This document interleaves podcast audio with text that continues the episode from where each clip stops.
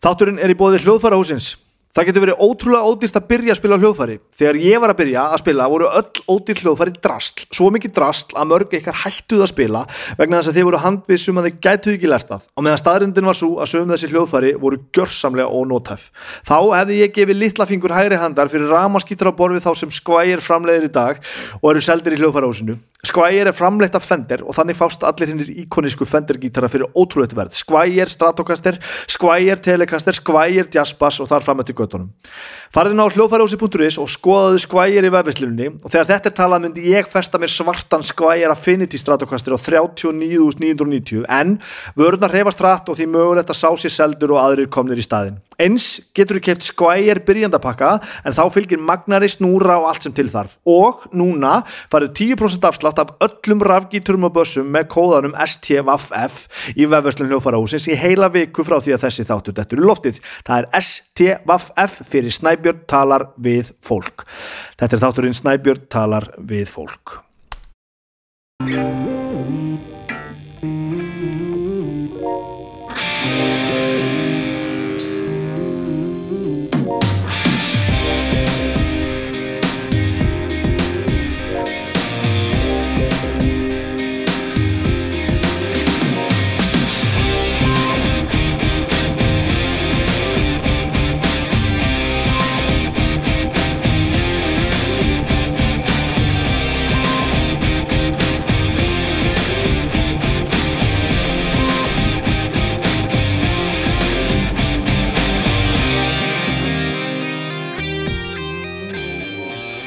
Já, komið sæl og velkomin í þáttinn. Þetta er þáttur númer, þetta er þáttur númer 5. Og ég get alveg byrjað á því að segja það að mér er búið að mistakast nákvæmlega það sem ég lagði upp með í byrjun. og það sem ég lagði upp með í byrjun var það að ég ætlaði að halda kynja hlutfullurum alveg hnífi öfnum uh, frá upphafi og til enda og þannig skildi það alltaf verið þessu þætti að, hér ættu helst að vera kallar og konur og víksl en í það minnsta að þetta myndi, myndi jafna sig út. Það hefur augljóslega ekki gengið í ljósið þess að þetta er þáttur 5 og, og Ilmur er þá eina konan sem hefur komið hérna í spjall. Sem er náttúrulega ekkert spauk sko. uh, þetta er ekki vegna þess að, að ég hafi vaðið í það kerfisbundið að fá, fá kallmenn til þess að koma að tala við mig heldur er ég búin að fara mjög jæmt á, á kynin en þetta hefur einhvern veginn axlast svona að hérna að konundar hafa ekki komist eða, eða, eða frestað eða, og svo er ég enda búin að vera mjög döglu við að hafa samband til konur sem eru rétt að fara að eigna spönn svona aðeins að ég muni eftir því eða viti það. Þannig að það eru nokkra þar sem að hérna sem eru búin að fá að byggja það og fá að koma, kannski, að, fá að koma eftir badnegn og ég, það, ég skil það, ég skil það mjög vel. En ég er hérna sem sagt hefur verið að mér finnst bara nokkuð döglu við það en að, að halda þessu í öfnu en að öllu gamli, gamli sleftu þá hérna, er það þannig að ég, ég er búin að leggja staðins í, í aðgerir og, og, og búin að bóka ansi margar áhugaverðar konur í spjall þegar þessum þætti sleppir þannig að við skulum, það, það verður þannig að það verður vonandi ef allt verður á óskum verður ansi góður strengur núna af, af, af kvenkins eh, viðmærendum ég er gríðalegur talsmaður þessa og, og, og stenda því fastar en fótónum að, hérna, að allt svona sé betra þegar að kynja hluturinn eru, eru, eru jöfn þannig er það. Þannig að þið verða að gera ykkur björsafinn minna góð, ykkur að góð í dag. Nei, þetta er stórkostlu maður og gaman að tala með hann og þið er að heyra það, hann hefur margt, margt að segja. Um, Á heimilinu það nú helst að frétta ég er að horfa hérna á, á, á málingarpröfur upp á vegg. Þessu eru hérna hvað A5, 709 litir sem er búið að mála svona ferninga hérna á, á stofuvegin Agnes er hér í gríðalegum pælingum að að nú er að fara að mála sem er frábært, við erum alltaf stutt síðan fluttum inn inn þannig séð og við fluttum inn og gerðum ekki neitt og nú ætlum við aðeins að fara að taka til í þessu öllu saman. Gera það sem þarf að gera. Vendipunkturinn í þessu er nú örgulega að sá að hérna að Agnes byrjaði í vikunni það er náttúrulega stór frettir sko byrjaði á, á aðtiklisbrest lifjum sem er mjög fyndið og skemmtilegt sko. Hún er svona manniska sem að, að leikur einhvern veginn allt í höndunum á henni og, og, og bara já, þetta er náttúrulega bara einn besta manniska sem ég nokk tíma kynst. Og hún einhvern veginn er að, vera best í því að börn og vera best í vinnunni sinni og að vera best í öllu sem hún gerir þar með talið best í því að halda besta heimili í heimi og ég er svona einhvern veginn bara að hanga í, í skottinu á henni. Að henni fannst eitthvað, hún geti verið betri þannig að hún fór eins og, eins og allir ættu auðvitað að gera, fór bara svona einhvern veginn að skoða það hvernig maður getur látið sér líða betur og, og fór í, í, í einhverja ADHD greiningu eða hvað þetta heitir alls saman sem er frábært, skemmtilegt. Og ég get til dæmis votta það að þegar að tveir mennur hljómsdýri skálmöld, bróðu minn og Jónge Trómari fóru í ADHD greiningu og fengur lifið hæfi, þá hérna breyttist lífið í hljómsdýrarútinu all, all verulega til eins betra, en hún sem sagt fekk greiningu með aðteglisprest á einhverju stjartfræðilegu stíi og er, er sem sagt var að byrja að taka lif í vikunni og það er búið að vera mjög skemmtilegt. Fyrstu dagur fór nú svolítið mikið það að vera bara svolítið mikið hæpur en þetta er náttúrulega augljóslega allt miklu öðveldara og nú er ég ekki að tala um það að allt hafi verið í einhverju steik hérna fyrir sko því að við erum bæði, bæði mjög hamingjusum og glöð en, en hérna svona hún hefur svona verið gleiminn og einhvern veginn. Find, fundust hún ekki koma sér að þeim verkum sem hún ætlaði að koma sér að sem ég hef ekki alveg skilið að því hún er duglegur en anskotin en þessi fyrsti dagur var þannig að þegar ég kom heim þá sagðum við mér mjög ör og rjóð og eh, mér fannst eins og Baðurbyggi hefði bara verið sæmilega reynd uh, eh, en ég fór það inn og þá var svona cirka eins og ég búið að þrýfa á milli allra flísana með tannbusta sem ég ætla að giska hún hafi gert. Og við vorum í gesti og við grilluðum hérna eitthvað og, og við mat fyrir, fyrir, fyrir fullta fólki og bara ægilega gaman og, og svo leiðis og hérna tengdamamma var inn í heimsókn frá, frá húsæk og hérna og svo eru gestir til farnir og tengdi maður með gestir hérna og ég og hún við sitjum hérna og fáum okkur bjór og Agnes er eitthvað að skreppa út að hitta einhverja e, e, einhvern, einhvern sem er að koma að sækja eitthvað kemur inn og fattar að hún hafi glemt símanu sín út, í bílskur og segir ég ætla að fara að sækja síma minn út í bílskur og við bara haldum áfram að drekka bjórin í og tengda mamma og, og svo allir nú bara liðið þrjú kortir eða klukkutími og við bara hvað hva er Agnes, hvað er hún að gera eiginlega?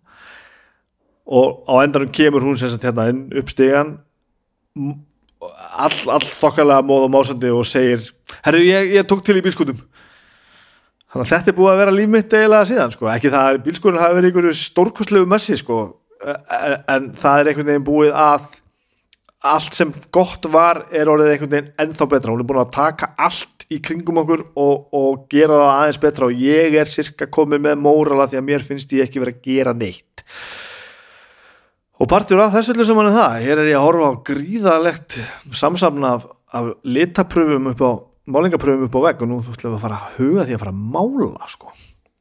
Þannig að þetta er nú skemmtilegt.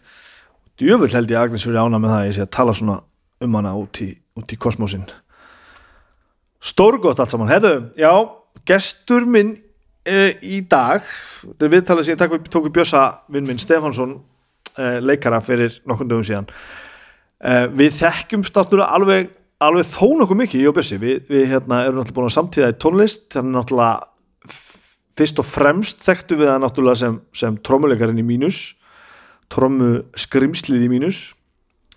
Uh, en í, á setni svona síðust árin hefur náttúrulega aðalega verið kannski þekktu sem leikari, náttúrulega bara eitt, eitt, eitt mest, ef að segja, notaði leikari þjóður, hann er náttúrulega bara bókstálega allstaðar uh, við hefum svo spilað saman á fleirin einn, einn hátt, við höfum spilað saman í allavega einn í hljómsveit, hljómsveitin Melrakkar sem við stofnum fyrir nokkur árum sem coverar Metallica sem var mjög gaman og er orðið oflánt sem við gerum síðast. Og svo er eitt sem við gerum og spilum reglulega einu sinni í viku ef við komast upp með það. Með hopnum okkar spilum við Dungeons and Dragons og, og önnur spuna spil sem er bæði frelsandi og gaman og og ég mitt hérna sagði einhverju viðtali um daginn að, ég hefði verið að hvaða viðtali var þetta aftur? Ég var einhverju viðtali og var að tala um hérna að ég hefði hefði verið að spila rosalega mikið að spunaspilum en hefði svo hætti vegna þess að, að hérna að mér fannst það bara ekki gaman því að ég voru fullorinn en núna þetta síðasta árið eitthvað sem við höfum verið að spila hef ég endur heimt þann, þann áhuga og þann eldmóð svo um munar þannig að við, við spilum saman Dungeons and Dragons allar, allar vikur sem er gríðarlega skemmtilegt. Um, við fórum að viða með öll og tölum um alls konar hluti sem að skipta engu og og svo alveg upp í gríðalega miklu máli og hann sagði mér alls konar hluti sem ég vissi ekki um hann. Og hann fer í þessa kategóriu uh, ágættis vini mínir sem ég veit voða lítið um. Og ég held að það er eftir að vera pínu svona, það er eftir að vera ákveðin hópur í, í, í þessu hlaðarpi sem að sem að gera nákvæmlega það. Að ver, ver, verða svona vini mínir sem að ég umgengst ótrúlega mikið en, en átta mig svo bara að ég veit ekkert um það sko. þannig að hann fór klálega í, í þann flokk. Um, já, ég ætla alltaf áfram að horfa hér á litapröfur og, og, og, og ákveða hvernig við ætlum að mála. Og þið ætlaði að hlusta hérna á þetta spjall sem ég átti við, við Bjössa. Þetta var drullu, drullu gott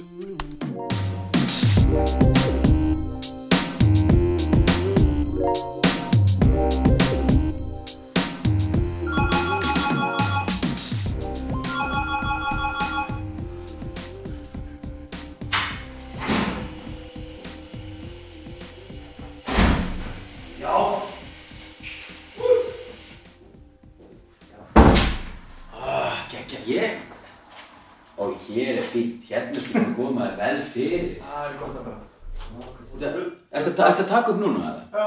Já, ég líka verið með svona Nei, ég er bara að tekka hvort það sé ekki úr í læmi það. Kæsja, kæsja, kæsja Með fara Og næst hérna sér Já, maður þarf bara að fara eins og, eins og vilt. Eitt, tver, halló? Já, hvað, þú veist Ekki ágjör eða sem var að setja þetta í, inter, á, í Nei, spjalli sko, nei, nei. Hvað, þú veist Skilja þeir þetta ekki samt? Jú, algjörlega, mér, ég, þetta má alveg fara í spjalli mínu vegna. Mér finnst bara svo áhugavert líka sko með svona samfélagsmiðla yfir höfuð að einstaklingurinn sem byrti þetta tiltekna mál, skilur veist. Mér finnst líka veginn að það sé í þeirra ábyrð líka bara er þetta byrtunar hæft, skilur þú veist, hérna, ég er ekki réttlætt að það sem að Pétur var að gera en þú veist, mér finnst einhvern veginn að maður á ekki að posta öllu skilur, stund er bara betra Þú getur allavega ekki sagt já, að þetta sé í lægi að þetta veri engaparti þegar þú búin að setja þetta út á miðlunum? Nei, það er málið sko, veist, Ef það, við tökum alveg til hliðar hvort það er í lægi að segja svona já, já. þó að þetta sé bara ég og þú að tala saman og engi mikrofónar Já, og enga myndaðurleikin eitt. Mm -hmm. ef við tölum ekkert um það þá getur ekki nota það sem rauk ef þú ert búin að setja þetta út á samfélagsmiðla influencer kanalana hérna. Þá akkurat. er ekkert argument lengur að þetta var engapartí þá Já, er það- þetta ekkert Nei, þá er þetta lengur erstapartí, engapartí, þá ertu basically að, að bara að klístra þessu upp á alla veggi og það finnst mér svo áhugavert með eins og það eru sumir einstaklingar sem bara bara plastera öllu út um allt. Og mér finnst það svo mér finnst það svo áhugaverð pæling alveg burt sér frá því hvort að Petur Jóhann hafi verið með veist, sem ég fannst þetta var bara ekki viðjöfandi Mhm. en mér finnst líka bara einhvern veginn að það er líka í sagt, höndum þess sem er með síman á lofti og er að ít og rekk og er bara eitthvað ég ætla að senda þessa bara þetta út um allt skilur við mér finnst það einhvern veginn svona mætti kannski hans að þeir mættu kannski taka til sína þess að, að hérna, spá hans í þessu veist, já, ég er bara svona þetta eru svo margir fletir á þessu þetta er búið að fara gegnum hausunum ógislega mikið. Þetta er sérstaklega máluna já og bara, nefnir bara síðan líka fyrir maður að sko skoða meira hluti, meira hluti. Ég var að skoða hérna stand-up artistar eru mjög mikið veltið fyrir sér. Bara Já. svona PC dæmis og Jerry Seinfeld og fleiri, mér finnst það svolítið svona þeirra hliðið alltaf sérstök sko. Þú veist að, það er alltaf mjög fyndið að sjá allt fólki núna Já. sem er búið að gera þetta í alla hann tíma já, og er búið að festa allt þetta á filmu sko. já.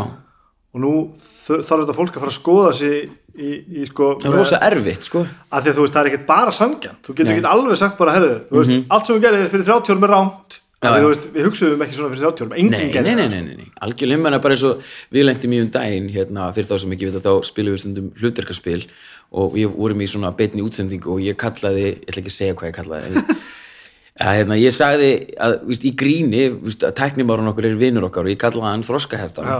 en þetta er bara eitthvað sem að ég það bara aflæra skilur, en, en hérna, það sumt tekur lengri tíma eins og Pétur það bara fara átt að sjá því að þetta, as, þetta asíska grín er ekki lengur bóðulegt að því hann er búin að, þetta er annað skipti sem að þarf að Já, það. já, já, það, er Já, til, það er ok. til sko, það er til hérna önnur fréttagrein þar sem hann er held ég að byrja afsökunar á svipum hlut sko.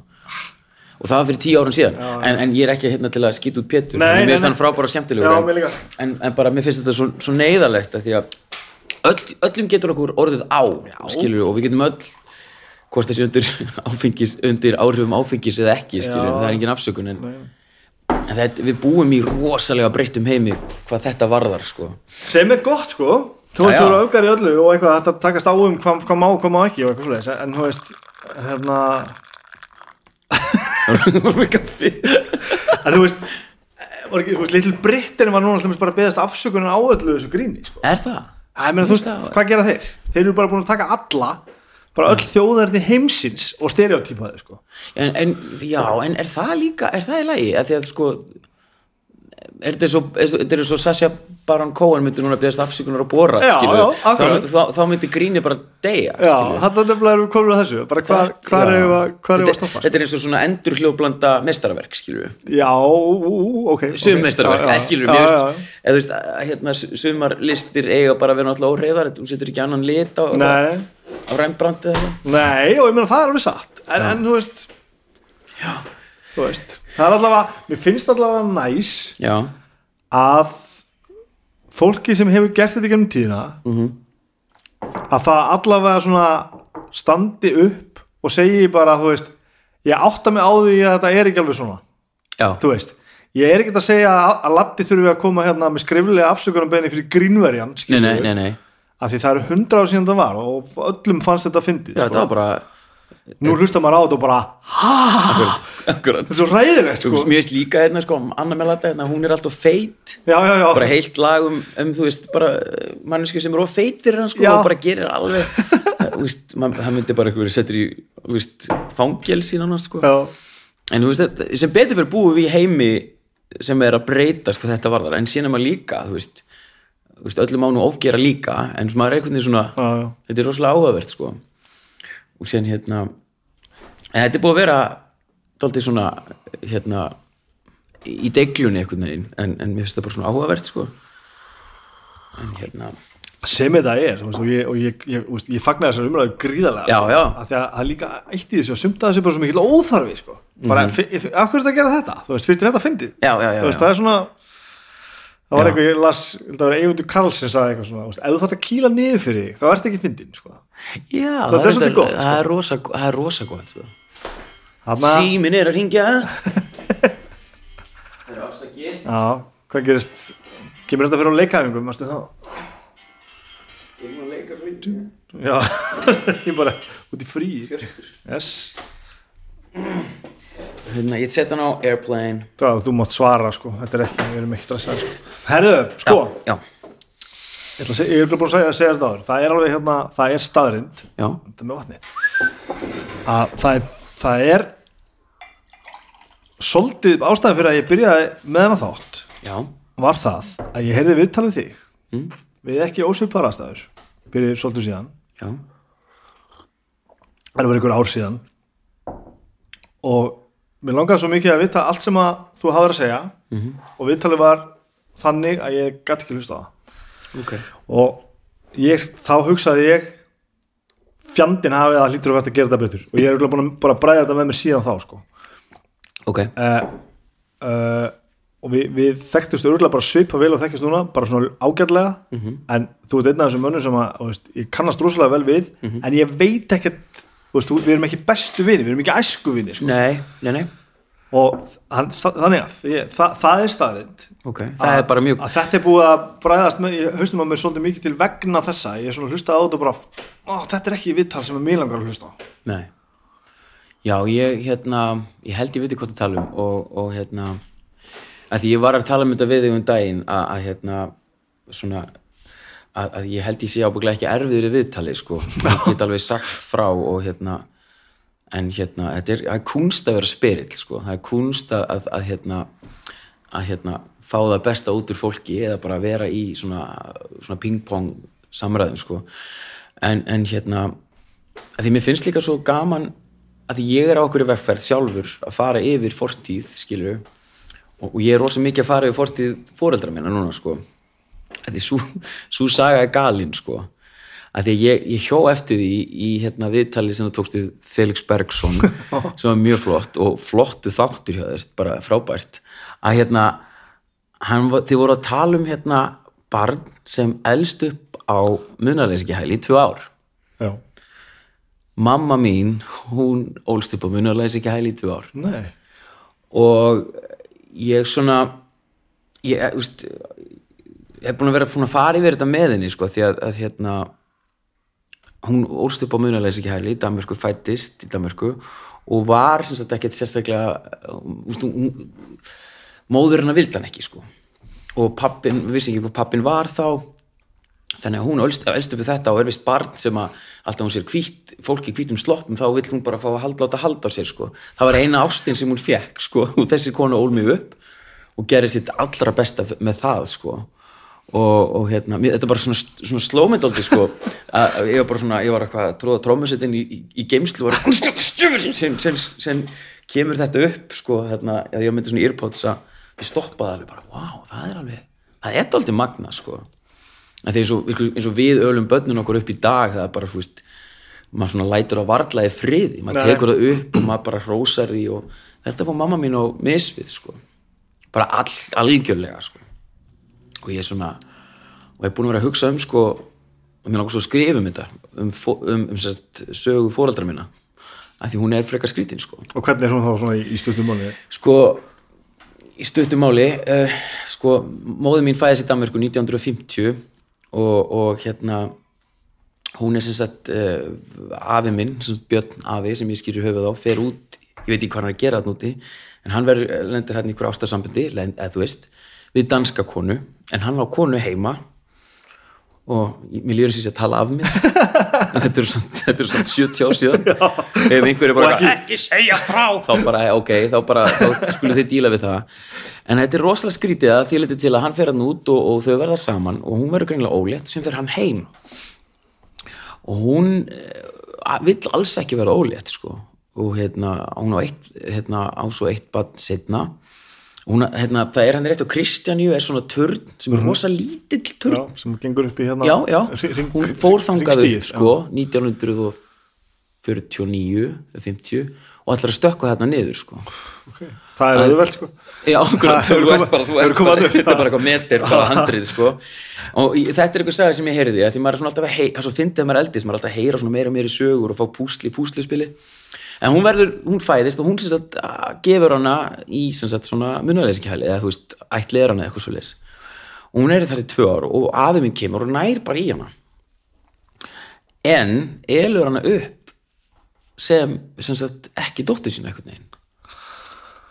Ok, þetta er svo flókið sko, og, og hérna mamma mín, þú eru bara að fyrirgjóða en hérna því mér finnst þetta svo áverð sko, það eru rosa margir á þessum tíma sem sagt, í kringum eftir stríslok þá eru rosa margir rángfæðraðir þá eru rosa mikið bara eitthvað börn send í sveit skilur, ég veit aldrei bara afspringi af svona ruggli sko. Já. og ég er aldrei átt að máði og það er svona skapa mann daldið að hérna, hann elur þess að dóttir sinni upp eins og fóstudóttir sína. Segir hann ekki að hann sé pappinar hún er alveg upp eins og öskubuska. Og hérna og síðan þegar hún er orðin tvítug þá farið þau að keira og, og hérna hún, hún- var aftur í hann mér. Og hann lítur svona í baksin í speilinu eða eitthvað svo leis og segir við erum náttúrulega lík. Og hún er bara, ha, hvað mennur við? það er því ég er pappiðinn og hérna og ég mani þú sagði mér, þið sagði, varst ekki varst ekki, varst ekki, varst ekki reið? Jú, sagði hún. Og sem var það ekkert meira rætt sko. En, en hérna, ég held þetta að hafa haft svona afgerandi áhrif á mömmu mína sem er bara svona afgerandi duglega manneskja og, Já. hérna, og hefur alltaf unni rosalega mikið og, og hérna og þú veist, ábygglega eftir að lifa alla af einhvern veginn, skilur, hún er bara svona en, en hérna ég er svona, mér finnst þetta svo áhugaverð sko, síðan, síðan sko faði minn er sem sagt um, sem sagt mamma hans pappa minns, hún var jazzsöngkona frá Siglufyrði og var bara hérna, var að syngja með hljómsveit Bjarnar Böðvarsinni og var, var valin jazzsöngkona hvað Íslands ný, eh, svona, vann eitthvað svona einhverju jazzblaðinu var eitthvað svona algjört drast sko. Og, og, hérna, og, og síðan var bara tekin þann pól í hæðina að, að bróðurinn myndi bara alu pappa því að hún var náttúrulega svo mikið að djamma og það þýtti ekkert skilur svona var þetta bara gert skilur veist, að þeim, þeim langu að við batna bara með ekki bara, við skulum, og það var gert þannig að við tökum það bara að okkur. Gerð það bara sem þú varst að gera, síðan ætti hún að ná í strákísinn. Þegar hún er tveggjörð eitthvað þá bara við eigum hann bara. Og, og þetta var allt svona skilur, og, og það var ekkert að segja. En hann hitti, hitti sagt, Jakobínu sem, sagt, sem er amma mín sem er nýdáin hitti hana bara svona af og til en hún var alltaf mammans og, og hann sem sagt elst upp á Siglufyrði og hún var sérst mammans? Já, hún var mammans já. en, en síðan átt hann aðra mömmu og pappa sem var ekki pappans og þetta var allt svona, þú veist, skilur hvað er að fara. Já. afi minn sem ég kalla afa minn er ekkit alvöru afi minn, hann er, er frændi minn. Sem að ég held ótrúlega margir Íslendingar hafa einhvers konar sögu að segja veist, Mm. Rætunar eru svo sturglar það er bara, börn voru senda á sveitabæi bara, þrjá mismandi sveitabæi og síðan kannski hittust þau aftur tíu ára setna sko. Já, já, já. og ég held að þetta sé alltaf þannig og ég er búin að vera svona að pikka upp þessi púsl sko. þetta er kem- stutt síðan sko. Já, þetta er hérna, pappi fæðist 46 og, og hérna og, og hérna ég er nefnilega hitt hana, þetta er svo frábært ég kem að svo ótrúlega skemmtilegu fólki á norðan, ég hitti Jakobínu ömmu mína með upptökutæki og ég baði hann bara um að segja mér ok, hvernig kom pappi undir hún var nýræð. Að segja mér frá því. Og það var briljant hún er mitt sko að segja mér frá því að þetta var, pappi minn kom undir daginn sem setni heimstyrlutin endaði. Þá var já, þetta er galið sko.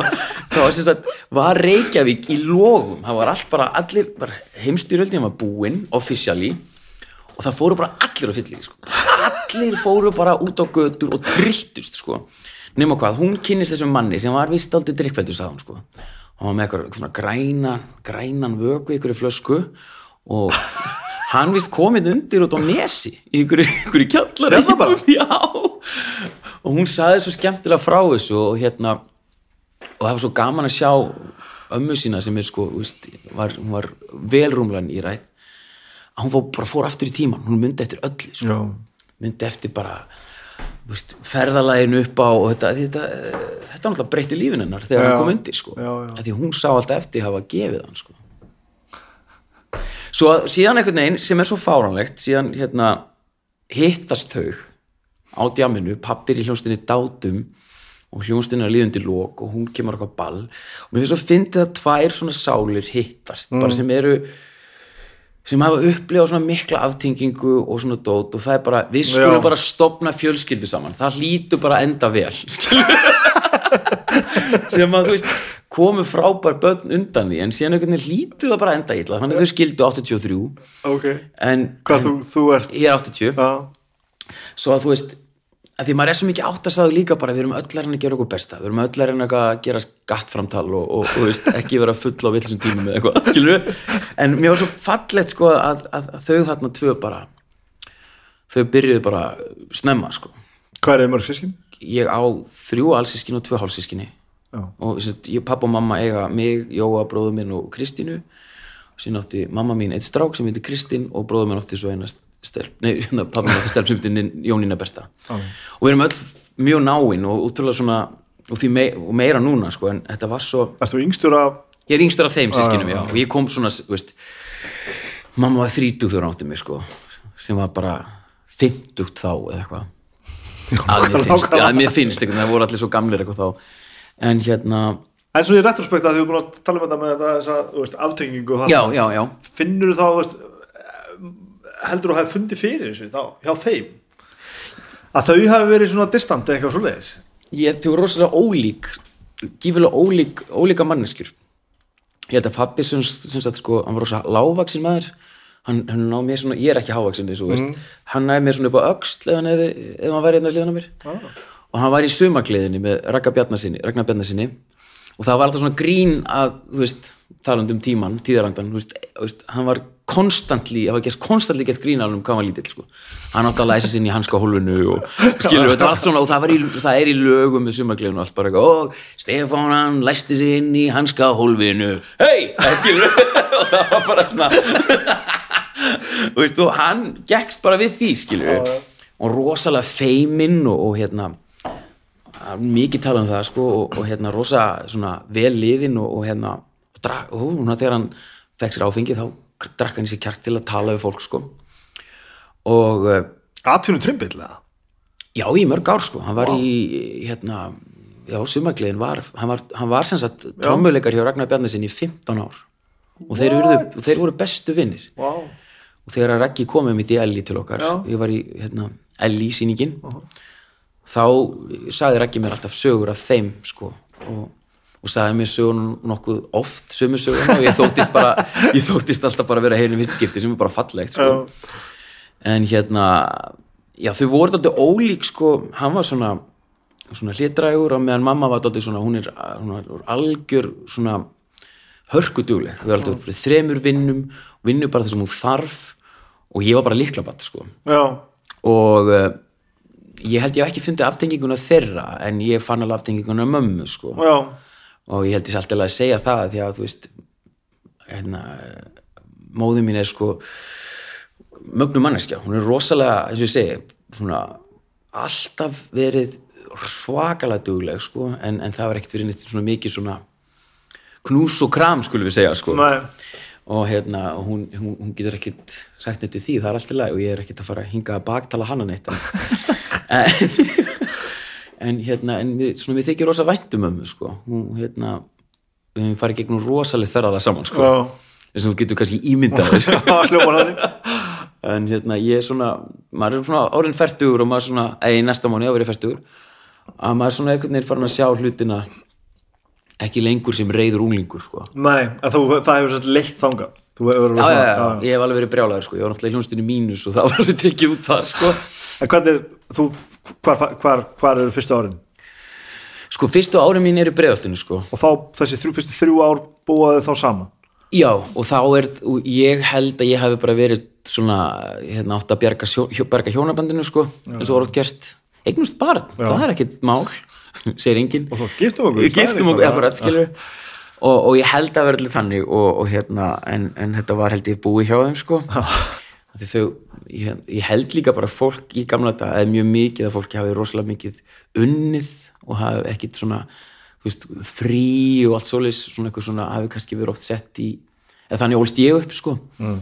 að ég fór bara einu stund til Danmörku manni skilur nei, ég líka, ég fórum mitt líka bara og til dæmis Já, og það fannst mér geðveikt sko. Og, og hérna og meðan Danir eru bara eitthvað, hvert allir í vetrafríinu bara, hvað er en ég held að þau hafi bara kert sig í þrótt sko, svona andlega eh, veist, og tilfinningalega. Já, en hérna en, og ég var svona átti pappi var bara helgapappi sko. -hmm. og hérna og góður sem slíkur sko. Og okay. þegar maður alltaf bestu útgáfan af pappi sínu sko. Já, ég held að setja hann í sko. En hérna, en það er alveg merkilegt með hann mann að ég hérna fólk þarf alltaf að stoppa mig og segja mig frá að það þekkti pappa minn sko. Já, hann er þannig típa sko. Já, já, já. ég þekkti hann sko, hann var alveg frábær skilur já. og hérna, mér finnst það gaman sko. Þú veist að því að hann langt síðan hann dó sko. Hver er það? 92 ok, og hérna, þá varst þú 12 já. Það er ekki góð tími. Nei, það var alls ekki góð tími en, en hérna en, en svona með tímanum hefur maður svona lært að kynnast honum bara svona sem er mitt svona, eh, hvað maður að segja jafnaldra einhvern veginn. Þek, þekktur hann þannig, þú veist 12 ára, þetta er svona svolítið eh, Já, ég veit hvað það minna, ég, ég veit hvað það minna ég þekkti hann sko.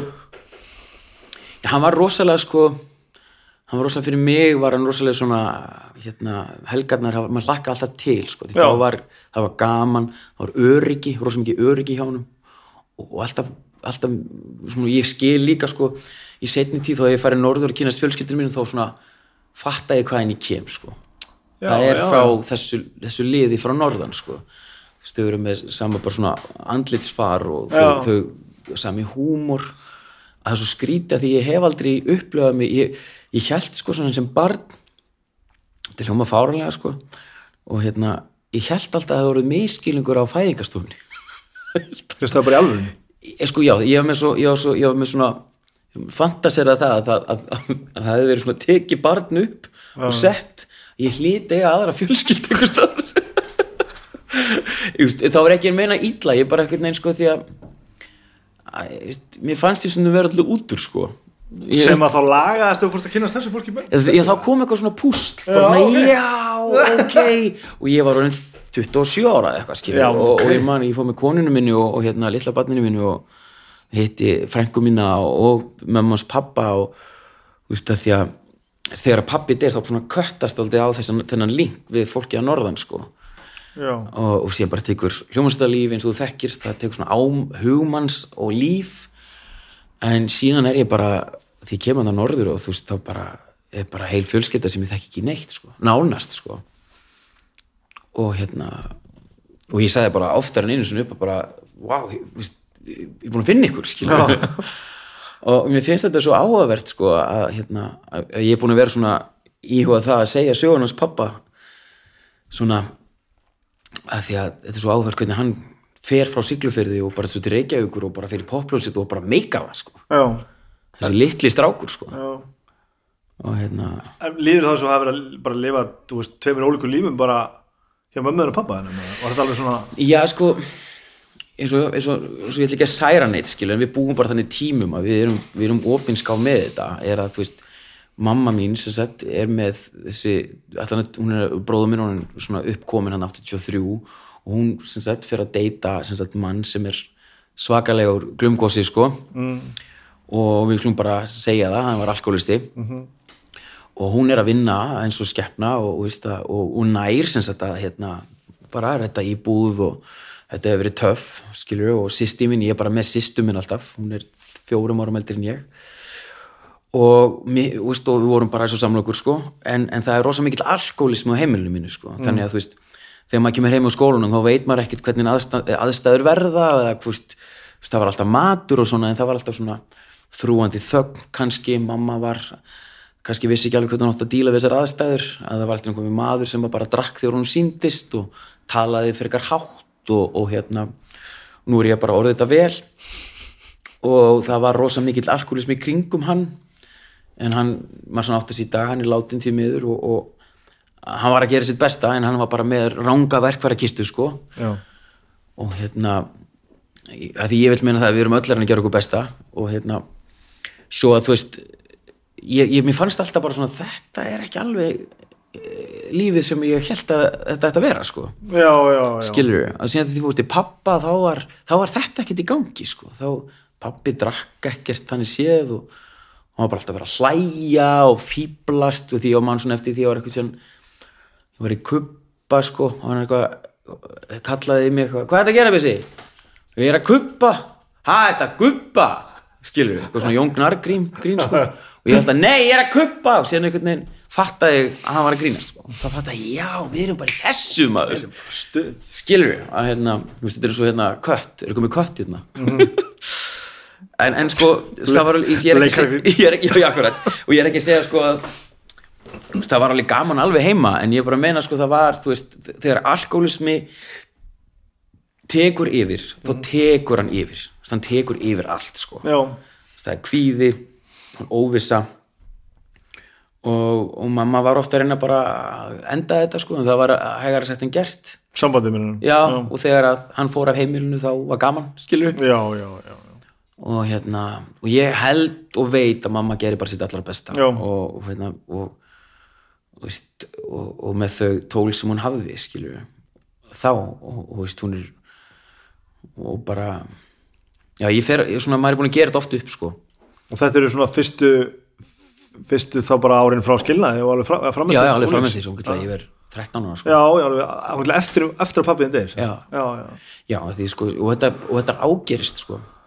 og núna er ég að tala bara um að því að ég veit að aðrir eru að kljást við þetta og, og, og, og þetta er yðurlega bak við lukta dyr og þetta er yðurlega skömm skilur þetta, þetta var svaka skömm hjá mér sko. Að, hérna, að það mætti ekki komast upp sko. að það væri ekki alltaf lægi bara. Já, já, já. Að því, ma, þú veist, að því, að þetta er bara þannig eins og krökkum eins og sinni mínum skilur, þú veist, þú verður að eiga Michael Jordan skó skilur núna í dag, eins og það var þegar við vorum yngri. Það er komið aftur.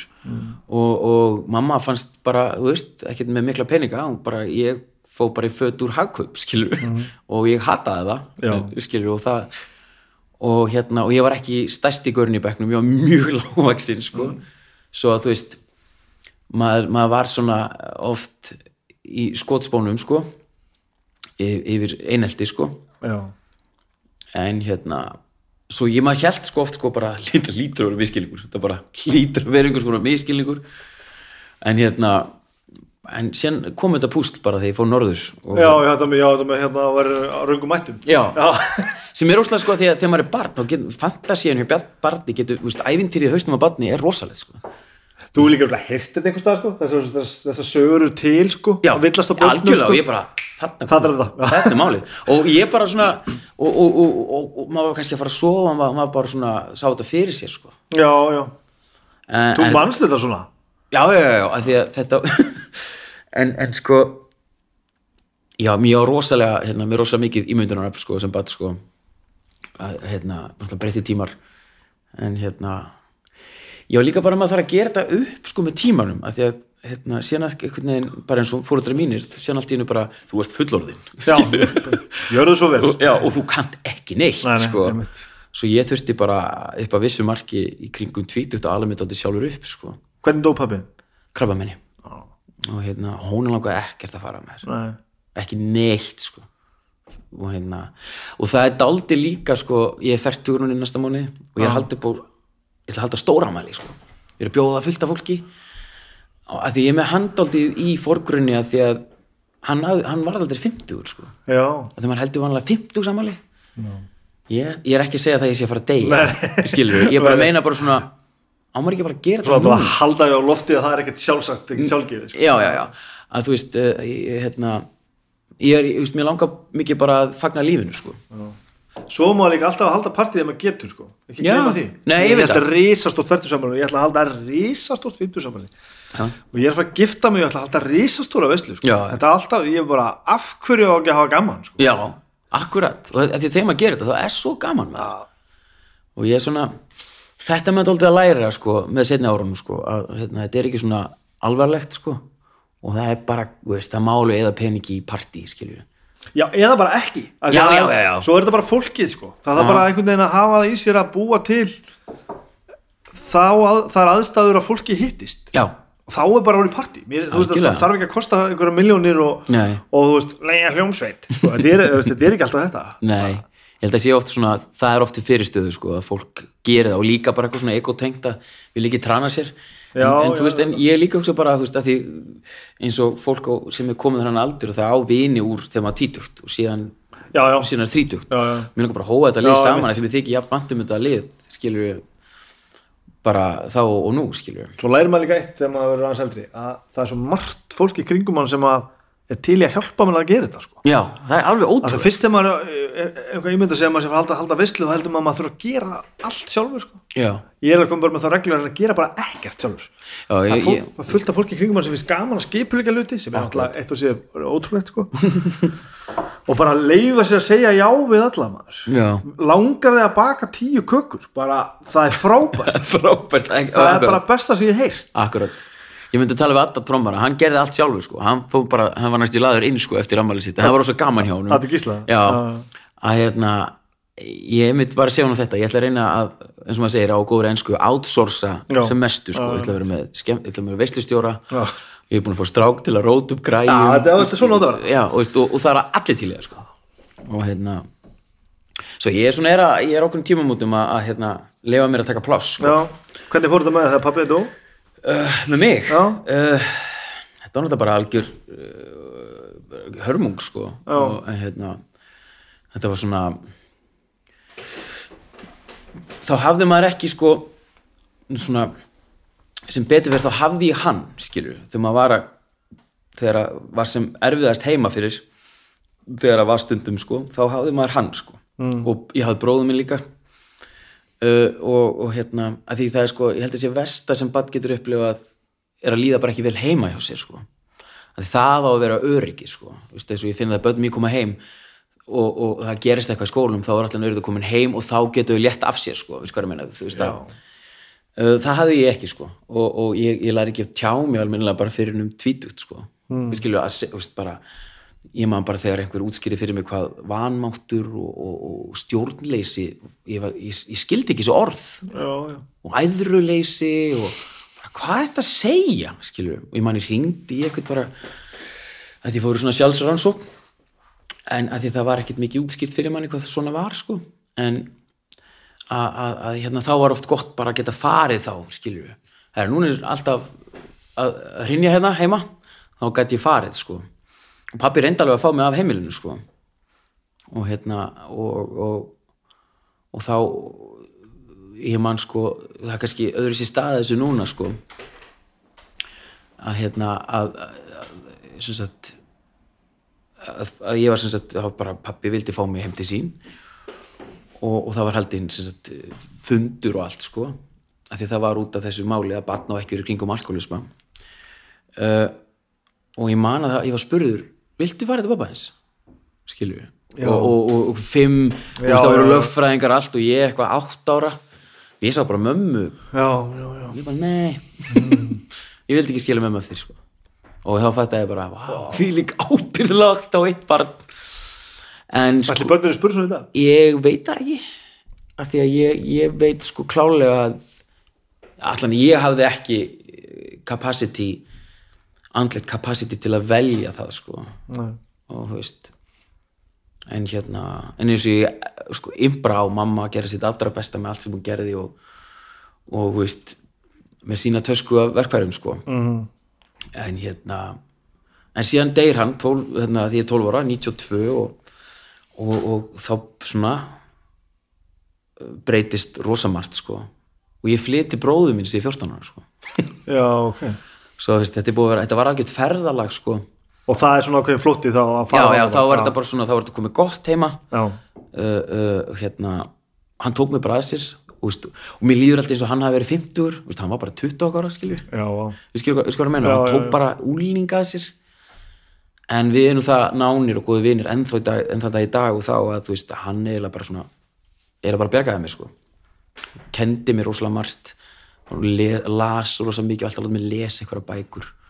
Og bara, bara raunverulega alaði upp. já, já, hann bara svona, hann bara svona, bara svona snýri mig við sko. Já. Veist, og hann har alltaf verið sko þú veist, þegar ég var að túra með mínus þá yðurlega komið með plötu til að hlusta á sko. Check out Talking Heads. Já, já.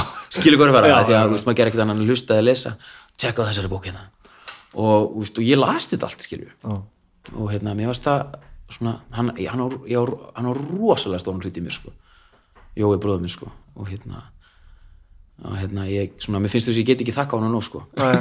og sýsti mér náttúrulega líka og hinn sískinni mín en ég er náttúrulega bjó heima hjá hann sko. Já. Þetta, ég er að opna mig alveg hérna.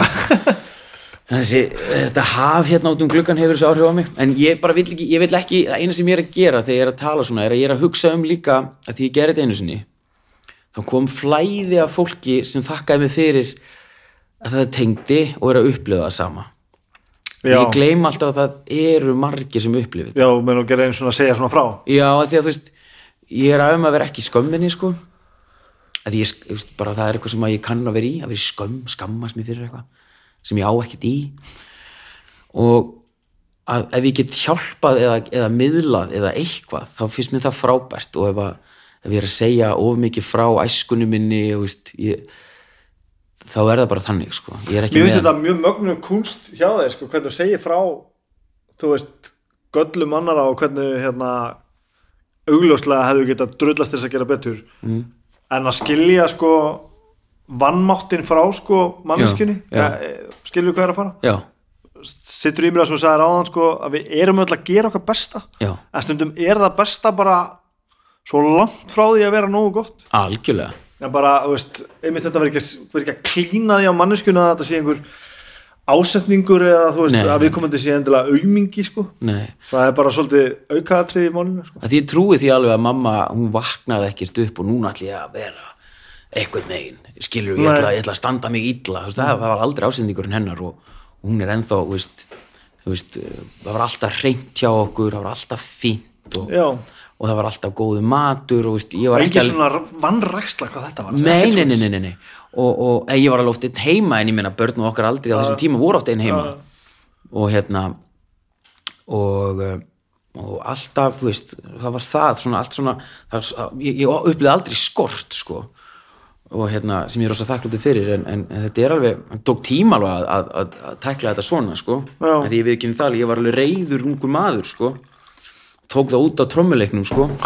Það var mín þerapía sem ég sem sko, en, en þetta, þetta var svaka vinna, sko mm. en svona setni tíma þá er maður bara búin svona að átta sig á því að því að núna ég úr færtur, núna er ég með börn þú veist ég hugsaði sko, því ég eignast barn 27 ára ég hugsaði sko, þegar maður eignast barn það var eitthvað sem útskýrði fyrir mér og veist, ef, þú, ef, þú, ef þú ert alveg upp einhvern veginn þá er náttúrulega bara ósjálfrátt ferðu í þá verkfærakistu skilur, ég var raskjaldur, þá bara raskjaldi barnið mitt sko. Já. Það er rosa oft hannig sko. sem er svolítið skyttið þegar þú veist hvað þér fannst dömur að það var raskildur akkurat. Þannig ég, ég, fó, ég og kona mín við fórum bara strax í já, við bara fórum og lærðum bara þú veist, eh, rétta uppeldismeðferð og ég fó bara í að því sko mér langaði ekki að endurtöka leikin sko. mér langaði ekki að þetta myndi vera bara, mér langaði bara að klippa á þetta. Og þá ertu komið nógu langt sem sagt í ferlinu til þess að átta því á því að það er hætta á því að þú getur Já. farið að fokka þessu. Já, ég byrjaði svo snemma að, að vinna í mér sko. já, og hérna, og því fyrir því betra segi ég bara fólk sem er að spá í einhverjum tólsporasamtökum eða einhverju svoleiðis að, að hérna eh, hvort það sé hvert meðvirkni eða eitthvað svoleiðis, ég var alveg gríðarlega meðvirkur á sínum tíma sko, og, og það er eitthvað sem fylgir mér allar tíð en, en ekkert með þess ég var sko. Já, og hérna, veist, ég, hérna, ég til mér svo að þannig að því ég var að kynast konu minni Írisi að ég, ég fór ekki í kringluna. Mér fannst bara svo óþægildur í kringlunni. Mér fannst þess að allir væri að horfa á mig. Að skilur, að allir væri með skoðunir á mér Já, já, já. og þetta er náttúrulega bara einhver veist, meðvirkill sem bara heldur að enginn þólir sig sko. Að, var það því að fólk átt að vita hverju varst bara, Nei, ekki það. Nei, nei, nei, nei, nei, var bara ekki að vera að horfa á því og já, segja já, því bara dæma mig Já, og bara, já. þú veist, hvað og, og hérna og veist, þetta er bara svona eitt dæmi að því að, þú veist, Íris kona mín sem er besti vinur minn og, og hérna æðisleg kona og hefur upplegað margt með mér að hún sem sagt á það til að svona segja við mig, manstu hérna manstu hérna og ég er kannski að leika á stóra síðun í borgarleikusinu skilur eins og ekkert sé. Manstu þú þorður ekki að vera í kringluna. Skilur mér þykir svo vænt um þennan strák sko, hann, en þetta er nú ekki endilega sami gaurinn sem þórir ekki í kringluna og þórir svo eða þórir ekki upp á svið. Nei, nei, nei, nei, þetta er allt annar hann er með mér, sko, ég þarf að tala við hann, sko. Hérna, maður svona heitir að tala við litla sig, sko. Hann, hann svona hann, hann fær stundum að brjótast fram úr þegar hann er hrættur já, en, en ég er alveg, ég leið hann í gegnum þetta, sko. Já, litla bjösa, sko. En þú veist það er þetta, sko, ég held að, að, að staði lítill bibbi þér snæbjörn og lítill bibbi mér. Og, og þegar að þegar kúkurinn fyrir viftuna og allt er hræðilegt og erum hrættir og þá bara bregðustu við eins og börn Já. og þið, eitthvað skilur það, við þurfum að læra að leiða þetta batt sko, já. í staðan fyrir að leiða honum bara að ganga inn á skítum skónum sko. Mér, það er eilíft verkefni fyrir mig sko. er þetta einhver þerapi útskýring sem þú átt eða er þetta eitthvað þetta er bara, bara margir leikara vinnu mínir og, og, og veist, e, þetta er svona þetta er svona, þetta er bara búið að þróast í tíðina. bara, vel, vel, þessu velkomið í orð þetta er skemmtilegt sko. Ég, ég, ég verð að sjá það myndrænt sko. já, ég verð að sjá fyrir mér mig þetta, svona ekki bara nei, nei. eins og í gær, ég var bara eitthvað við konum minn í gær og ég var þreyttur. Ég var búin að æfa útgísla mikið. Og síðan var úslega mikið hávæð í stofunni skilur, og var allir eitthvað að byggja mig um eitthvað. Og ég sagði bara eitthvað, ég finni þið bara út úr þessu skilur sem ég vill, ég vill ekki vera þessi gæi sko. sem fóru þau eitthvað út og ég var eitthvað að svæfa sem kom konu mín heim eitthvað með eitthvað maska handa mér svona, við ætlum, ég var að setja okkur maska? Ég alveg, já, endilega. Herru, ástu mín, fyrir ekki hvernig ég hafa ég ég, get sko þú veist, veist, ég get bara köttað á þetta sagt bara fyrir ekki, ég, ég haga mig bara eins og barn. Já, í staðan fyrir að bara sapna banka skilur, þú veist mér finnst þetta svo áhugavert sko, að hérna, geta þó allan að veist, ég er ekki það merkilegur, ég get ekki sagt bara er, ég var bara asnalegur. Þetta er svo mér finnst þetta svo fallið sko, að hérna læra þetta sko, af því ég var ekki alveg uppið það að segja fyrir gefðum nei, nei, nei. Never. Það var bara, og aldrei neitt útskýrt sko, aldrei neitt sko. Taktum við þess aftur hérna hvað, svo, svo í framhaldsskóli og eitthvað svoleiðis? Já. Fær í mentaskóla, ég, ég reyndi að fara í mentaskóla og, og hérna fór í borgarhaldsskóla ertu ennþá upp í breiðaltið hana? Nei, nei, nei, síðan, nei, sko síðan, kallið minn, hlusta nú, hlusta nú. Ég veist, er, ég- er ég eitthvað lengi að þessu? Þú mátt vera eins lengi og þú vilt. Við erum að horfa hérna á, á gul vestisklædda unglinga gera fallegt hér í kringum húsið mitt þannig að Já, hvað er geðvitt Nei, ég, ég fór í borgarhaldsskóla best að segja það upp á þetta að við erum að tala um að á almenningslóð, það hljóma þess að ég væri með 20 börn í vinnu að að græða garðin minn. Já, það er mjög skrítið Nei, ég, það var alveg fyndið sko kringum 90 þá kaupir sem sagt fóstupappi minn Já. sem heitir Vigfús og er sem sagt faðir bróður minn sem heitir Kristinn sem er frábær drengur og erum miklu vinnir í dag og hérna höfum alltaf verið mjög nánir að hérna hann kaupir lottó kaupir, kaupir fimm rétti að lottó, það var alltaf var alltaf hemmigun lottó, skilur það var bara svona æskan mín. Herru, hann vann í lottó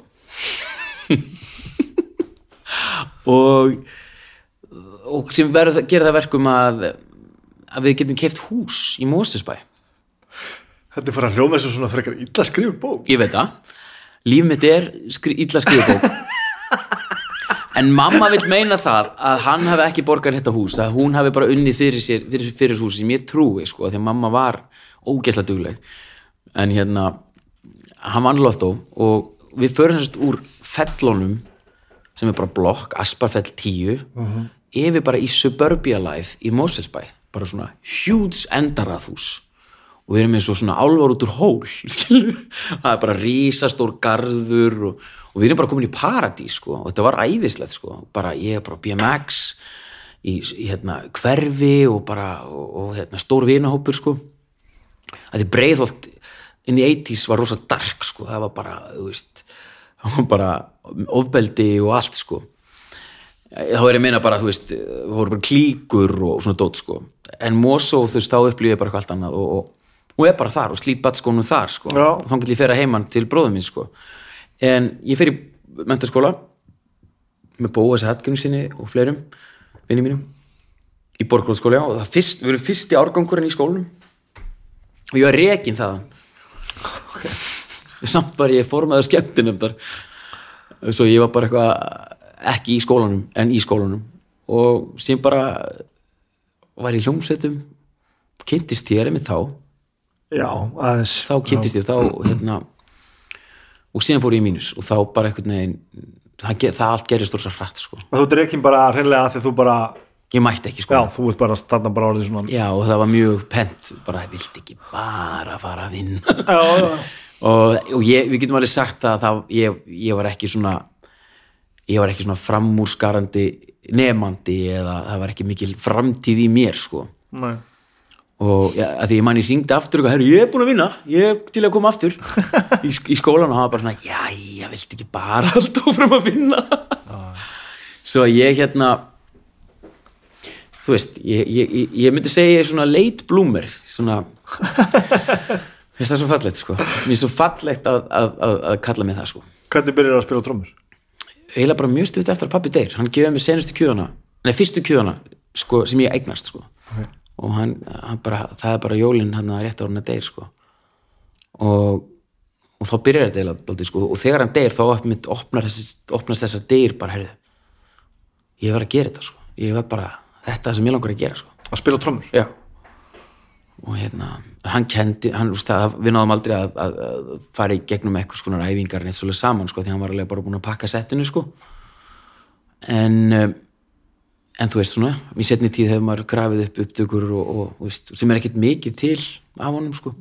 En eitthvað að vantala já, það er bara tvær plötu með dátum og, og, eitthvað live upptökur, sko að hann var bara balltrommari í Og Bjarnar sumargleðin er bara ekkert á teipi nema Nei, bara, bara, nei, sko, bara live. nei, sko, það er til, held ég þrjár sumagleðisplötur en Gunni Þórða pródusera þær og hann notaði bara sitt- sitt, sitt wrecking crew sko. veist, Áskir Óskars og allir þessar típur og til mér það, ég held að það hefur ógstlega leiðilegt. Já, að vera í hljómsveit og bara herðu hérna er plata.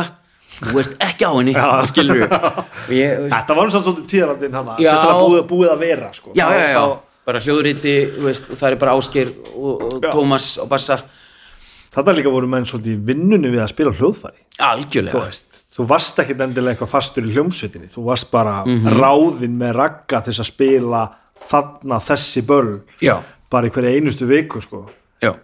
Því þú varst ekkit endilega einhver órjúvanlegur hluti af hljómsveitinni. Nei. ekkit endilega þannig. Nei, þetta er þannig og, og sko, þá er líka að tala um sko, mikla fjármunni sko. Veist, það var svakalega velta og hérna, ég held að hann hafa alveg haft það fínt sko, í kring, svona rétt undir lók hérna, sjötta áratugar sko, Já, að þá byrjar þetta að rúlla sko. Nei, hérna það, já og hérna, en maður heyri bara svona sögur frá Ragga og þeim skilu hvernig það var þetta, eru alveg crazy sko. Var hann góð trómuleikari? Já, uh, Raggi talar rosa vel um hann sko. hann alltaf réðan þannig að hann var á rauðli Mhm. Snýri baki í sviðið og heyrði, heyrði eitthvað spila. Og hann bara sagði við þá sem voru á sig bara þennan ætli ég að fá trommur. Síðan snýra sér við. Veistu svo ekki saga? Bara, þennan ætli ég að fá. Og hann réð hann sko. Já, og hann var að spila með eh, hljómsveit Reyni Sig og svona held ég eitthvað svoleiðis. En þetta þess að gott gig sko að fá sko sem held honum inn í 15 ár. En þú byrjar að spila gaggist að því að hann spila á trómur það er bara fyrir Já, og, og svona því þá, þá var eitthvað tenging sko. Og hérna því mér langaði að vera gítarleikari og veist en, en, en, ég, ég gæti þetta stungin einn stærri samband sko. Og, og var svona pappi gerði þetta. Mm -hmm. álít ég, eða skilur þetta var eitthvað svona og bara svona nett virðingarskinn líka en mér fannst þetta svo fallegt sko. Að því að þú veist að því mann því ég var að hanga með honum sko þá var alltaf svona, þú veist, komum margir svona dátar, eitthvað, ú, skilur hann var svona Já, já, já. hann var alveg flott hljómsveit sko. Og hérna og ég fór svona fyrir alvör að tromma eh, 15 ára og, og, og, og tók þessi svona, svona fór að æfa mig og svona. Og gastu strax, spila á trómur nei, nei, ég var hræðilegur sko. Og ég held þetta svona þetta, ég bara, ég, ég bara svona mér finnst þú svo fallegt þegar, þegar fólk svona finnur sig skilur þegar maður finnur sig í einhverju hvort á gítarleika eitthvað svona og ég fann mér aldrei þá og þá bara þú veist maður með rosalega mikið metnað í að verða eitthvað en maður, veist, hlustaði á Metallica og svona dót og það voru ædolinn sko. Að það, kom, þetta kom bara svona gradually náttúrulega bara eins og allt annað sko, maður tók þetta í músítilurum var alveg glataður. Vart, hvað band var það? uh, fyrst var ég í hljómsdunni Paranormal. Vá, já, 96 hvernig músík var það? punkljónsitt og bara eitthvað svona, veist, samt alveg bara við gerum demo, við, við gerum cover og, og gáfum demón út sko Ég held þú, ég vissi nú að það var margt sem ég ekki vissi um, vissi um þig þegar ég var að fara að taka viðtal við þig. Ég held Já. ég vissi nú sirka allt sem þú hefur gert þetta er músík sko. já, já, nei, Þetta nei, ég hef bara aldrei heyrt nei, nei, nei, nei þetta, við, þetta var sko það, þarna kynntist ég sko þegar ég er þessi hljómsitt þá kynnist ég Andra Frey Hvað er þið gamlega svona 15 ára, 14-15 ára Er þetta undan bysund það? já, já, já, langt undan Bysund sko. Bysund er ekki til hann sko. Sko, þetta er sko þetta er 95 og ég sem sagt fer hérna á roadtrip 14 ára eh, með Bóasi og Birki, sem sagt Birkir er bróðals Andra Freys Aha. útastmanns og við fyrir til Reðaferðars og þar kynnist ég Helga Seljan Andra betur og, og, og kemst ég, þeir bara í þennan vinnahóp sko. Ok, og, og, Birki var í döðlónum hérna, sem er svona partilónsettin Já, sko, og maður leit svo upp til þess að stráka sko. Veist, þeir voru 17 ára og maður, var- þeir voru bara 50 skilur já. Hoknir af reynslu sko hóknir sem hoknir. Hok, Hoknir, já. Já. og, og veist, svo ég er svona þarna bara byrjar þetta. Bara veist, bara hljónastalíf grúska með veist, þessum og þessum í hlýðunum og það komst ekkert annað að sko. Og síðan fór ég í hljónstuna Spitsæn sem var í Poppi Reykjavík myndinni. já. En hérna Það fór í mústilur Já, og, og held við komist í úrslit. Já, og, já, og síðan, síðan voru við ekki saman í úrslitum, ég held að ha, Ég held að voru við ekki saman í úrslitum þá? Jú, hvað varst þú í? Hvað er árið? 96, 7 Ætli ég hef verið að spila döður okkur annarkvæmt var ég með döður og hljómsnýn Torture. Já, eða bara með innvortis sko. Ég held að innvortis það ekki? Jú, ég, ég, held það sko. Jú, Held þetta hafi verið innvortis já Og sí, já, Jú, það passar. Ég, vegna þess að ég, ég man eftir því sko að við vorum svona straight forward punk hljómsveit sko. Já, já. Og go- go- sko hvort að þið voru á undan okkur eftir okkur á svið, ég man ég mætti bara svona ég fannst þess að þið væri svona 30 Já, já, allir svona eins, þið voru allir svona 1.25 á hæð. Í sko svo víðum fötum sko að maður þurfti að að klessa sér fyrir vegginn til þess að það getur komið fram hjá manni sko. Já, já, algjörlega. Og buksunar á hælunum. Og allir með sko svo mikið mandráps glott sko, eða glott bara, bara, sem, svona, bara, svona, illilegan svip, þeir voru bara, þeir voru bara brjálaðir. Já, já, og maður svona einhvern veginn vissi ekki hvort þetta átti að vera að fyndið eða hræðilegt sko. Já, og svo bara passaði maður sig að vera, vera ekki fyrir og svo, og svo alltaf var bandið náttúrulega ævintýralega gott. Já, og mjög skemmtilegt sko. Og ég og það, ég hvað ertu gaman alltaf? Ég 16? 16 ára. Og hérna já þetta kemur rosa snemma þessi, þessi sko, hvað maður að segja þessi hérna gífulegi metnaður í að, að, að, að þetta er svo alvarlegt sem er kannski ekki eitthvað holdt að hafa en veist, maður, þetta var svona haldreipi sem maður hafði að þetta var svo ótrúlega merkilegt sko, bara að fá þér í já. og, og hérna, og þetta er bara gra, grafálulegt máli þegar fólk er að grínast með þetta skilu, það, og, og hverju var að, það var skiptur rosa miklu máli hverju var að headlina þú veist, allt svona var svo bara mikilvægt alvöru hljómsveita Já. pælingar já, já. veist, við náðum að spila á tunglinu manni, við spilum á tunglinu bara eitthvað, mátt mikið sem vera þar inni sko. Og við spilum á Rosenberg máttum ekki vera þar heldur. Já. og hérna, veist, það var allt svona og síðan mínus er náttúrulega verður bara sko, eru sko klístraði saman allir hérna úr teimil hljómsveitum sko, Spitsan og og ungblóð. Já, Frosti og Krummi hérna, ég að leiðir þetta hann miskilning að, hérna, því sagði ekki sem að það var bara Frosti en það var náttúrulega Frosti og Krummi sem að gerðu þessa hljómsveit. Þetta byrjaði sem sko eitthvað svona noiseband vorum að leika okkur eitthvað og síðan var þetta mínus sko það var bara svo, veist, gaman sko. Spi, Akkur hætti Spitsan, hvað var það? uh, pff, það var eitthvað svona söngvara vesinn, hann hætti eitthvað þau voru eitthvað að rífast. Og hérna og síðan þetta var að halda áfram fór maður að leita, leita nýju söngvara og við vorum alltaf með sko, fyrst var sko mínus var bara svona hliðaband sko. Mínus átti ekki að vera neitt aðal sko. Spýtt sem var aðal sko. Já, síðan bara breyttist Já. svona þingdarafli sko. Ok og það var mjög áhugavert sko veist, það, það var aldrei neitt rætt sko sem bara einhvern veginn, við, við bara hættum við hefum ekki búin að fara á æfingu í veist, 20 ára eða eitthvað skilur Já, já. en sem er mjög áhugavert sko. En við gerum þetta demo, við gerum svona sexlaða demo, hendum í mústilur og svo rústuðum mústilur þó ég segi sjálfur frá. Já, það var alltaf bara rosalegt það var alltaf bara ekkert kannski smá kaffi. Já, ég, ég bara og, og byrjaður strax að spila svona trommur eins og væri að reyna að drepa einhvern. Já, alltaf. Af því þú ert náttúrulega eitt bara þetta er náttúrulega eitt skona svona það er ekkert margi sem spila svona afgerandi brjálað alltaf. Já, skilju, Já. tengið þú við það sem ég er að segja? Áttar Já, þú við það á þessu, ekki eins, þetta bara bara... ekki eins mikið sko, því að svona spila ég bara sko, og hérna að því ég er svona, ég er svona þetta er svona svipað með leiklistina sko það er svo fyndi sko þegar ég er að, er að pröfa eitthvað nýtt á sviðinu og, og, og leiksturinn segja eitthvað, "Heyrðu, bara gera þetta bara aðeins minna Vist, ég, ég, ég skil ekki eitthvað svona ég, það verður alltaf að vera all in og, og það finnst mér, mér finnst listin vera allir þannig að, að, að maður verður að gera þetta allir svona ma- maður má ekki ganga fram af sér skilur en, en eins og með trommuleiki er að þetta er líka einhver svona tjáning sko. Og hérna, mér finnst ekkert en skemmtilegt að spila rocklag og ég veit ekki alveg hvort ég geti komist í gegnum það sko. Já, já. þú skilur, ég vill þú veist, ég er ekki bara að leið með fast að leið með fast. Mér finnst þetta bara svo gaman og mér finnst þetta svo þetta er svo, þetta er svo mikil orku orkugjafi sko. Það er ekkert er skemmtilegt þegar maður er búin að tromma lengi og maður er hún svo þreyttur og maður bara og líka með þess að ég get ekki meira, ég get ekki meira. Og síðan þú komin yfir það þá getur þú farið endalust og það er best sko, skilur við. Og síðan bara borgar þau fyrir að þú er búinn sko. Já. og ég er nefnilega sko ég sé trommuleikar sem er að spila eitthvað svona rock og þeir eru drýpur ekki svit af enni sko, þá tengi ég ekki neitt sko. Nei. mér, mér finnst það rock og, rock og punk eða eitthvað svona, þá er þetta ekki beint hættulegt en þá að vera svona, svona þá að vera smá effort sko. Mm.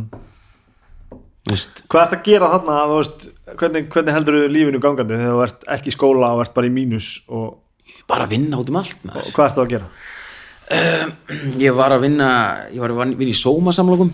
Ok, sem er algjör martröð. En, en ég ég tók ég, tók, ég, ég allir veringu okkar þeim stað en ég, ég, tók, ég var þar í eitt og hálft ár sko.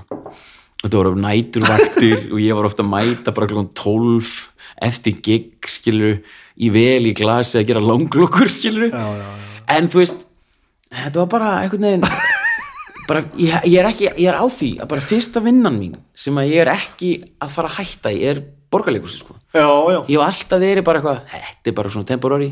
Já, að, veist, ég hef alltaf verið bara eitthvað svona að vinna bara fyrir næsta gig sko. Ég hef aldrei fundið mér þetta vinnu því ég er alltaf með mjög skýrt gól hvað ég er að gera. En eins og borgarleikus það er bara svona fyrsti vinnustæði sem að ég bara ég á heima þar sko. Já. ég, það er bara samstarfsfólki mitt og, og ég er bara svona við ekki verulega vænt um húsið sko. Aldrei upplegað þetta áður sko. En sko, já ég var að vinna í leikskólum og, veist, og þetta var allt skemmtilega vinnur en ég, ég, ég tók þetta allt bara svona 80% alvarlega sko. Já, já. veist, því að veist, ég var alltaf bara í tónlistamæður sko. Og varstu þarna með eitthvað plan um hvað þú ætlar að gera? Að bara tróma já, bara tróma Já, já. ok, og, og ég held að það, sko, ég trúi svo mikið á það bara ef þú ert með skýrt plan og ert, þú veist, passar upp á uh, kraftið þitt, sko, þá áttu nú að komast heldur betur nálætt í sko, því ég ákvað bara 1 og 12 ára. Það var að spila með mínus, nei metalliku hitu fyrir þá, ég ákvaði þetta sko. Ég ætla, ég ætla að spila með metalliku og ég ætla að ferðast um heiminn. Og ég hef bara búin að gera þetta í 20 ára sko. og þá þurfti ég bara aðeins að endurskipuleika skilur við en ég hugsaði bara að spila með metalliku þá er ég bara búin að meika skilur og það er held ég bara eitt af merkjulega sem ég gert sko, því að þá var barnið mér bara, vá, þú veist. Hvað gig var þetta? Voruð þið komið hinga? já þau komið hingað Já, sko. Sem var alveg galið Ég var ekki á landinu, ég sá þetta ekki sko. Nei, þetta var mjög merkilegt merkilegu tímapunktur í svona rock á Íslandi held ég. Að því að það sem var svo áhvert við þetta var að náttúrulega allir að koma sér metalliku sko. En mínus og breympúlis er það þarna á einhverjum flugi og allir að nynni voru alveg til að sjá okkur líka sko. já, það var ekkert allir eitthvað bara það var allt vitlaust sko. 20.000 manns. Og, og, og, og þeir byrja á blackend skilur þetta er eitthvað sem úlingurinn í mér trúir ekki sko.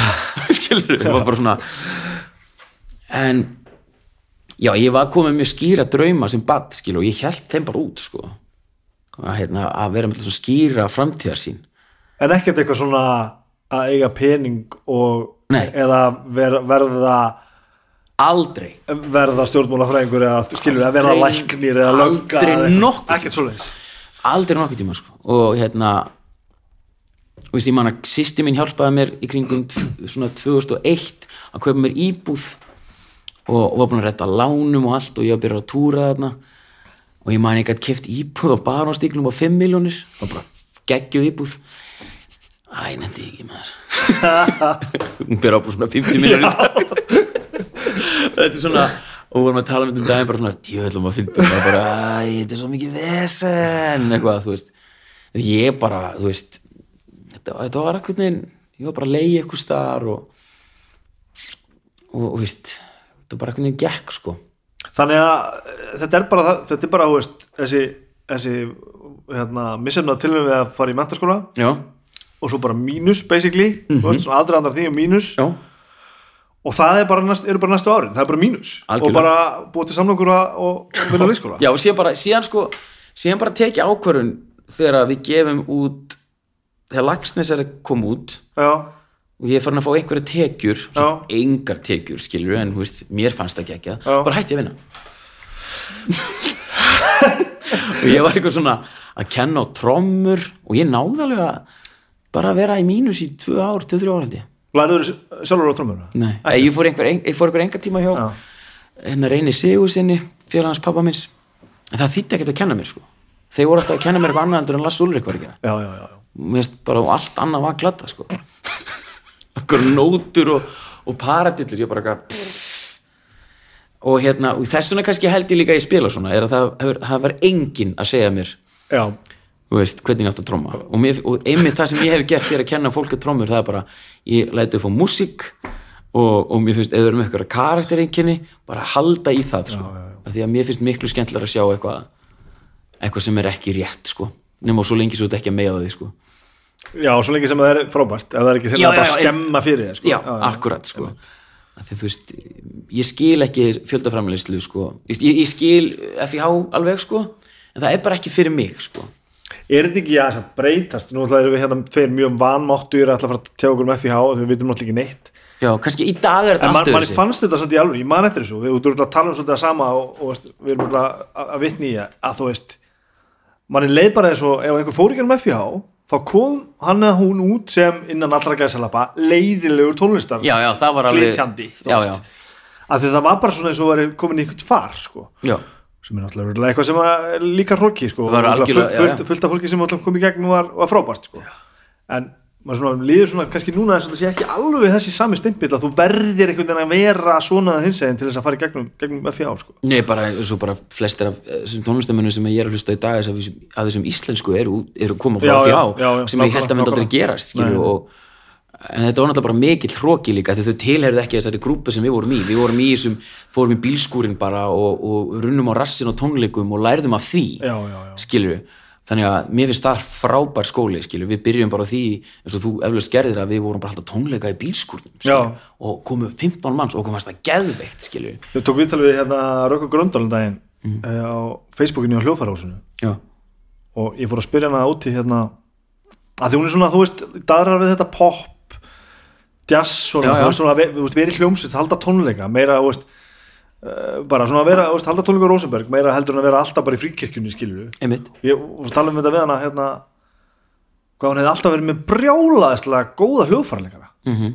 Alltaf þetta, þú veist bara algjörlega svona framúr skarandi fólk, alltaf. Og þá sagði hún bara, já, ég var aldrei í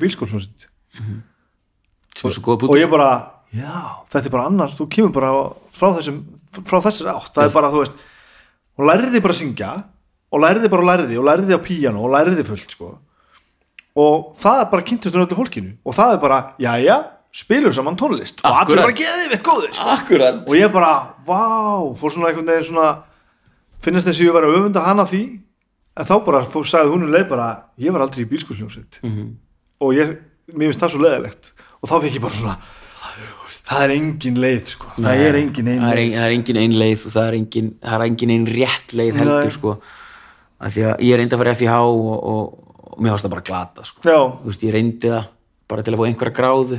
En ég var bara komin á flug sko. ég var bara komin einhver, á einhverja vegferð sem að veist, það var ekki hægt að kenna þessum gamla hundi að sitja, skilju en ég ber alveg óendalega virðingu fyrir, fyrir þessu dæmi sko, en, en mér finnst ég, ég finnst mér finnst ég hafa alveg bara farið rétta vegferð. Ég sé ekki eftir neinu hvað þetta verðar sko.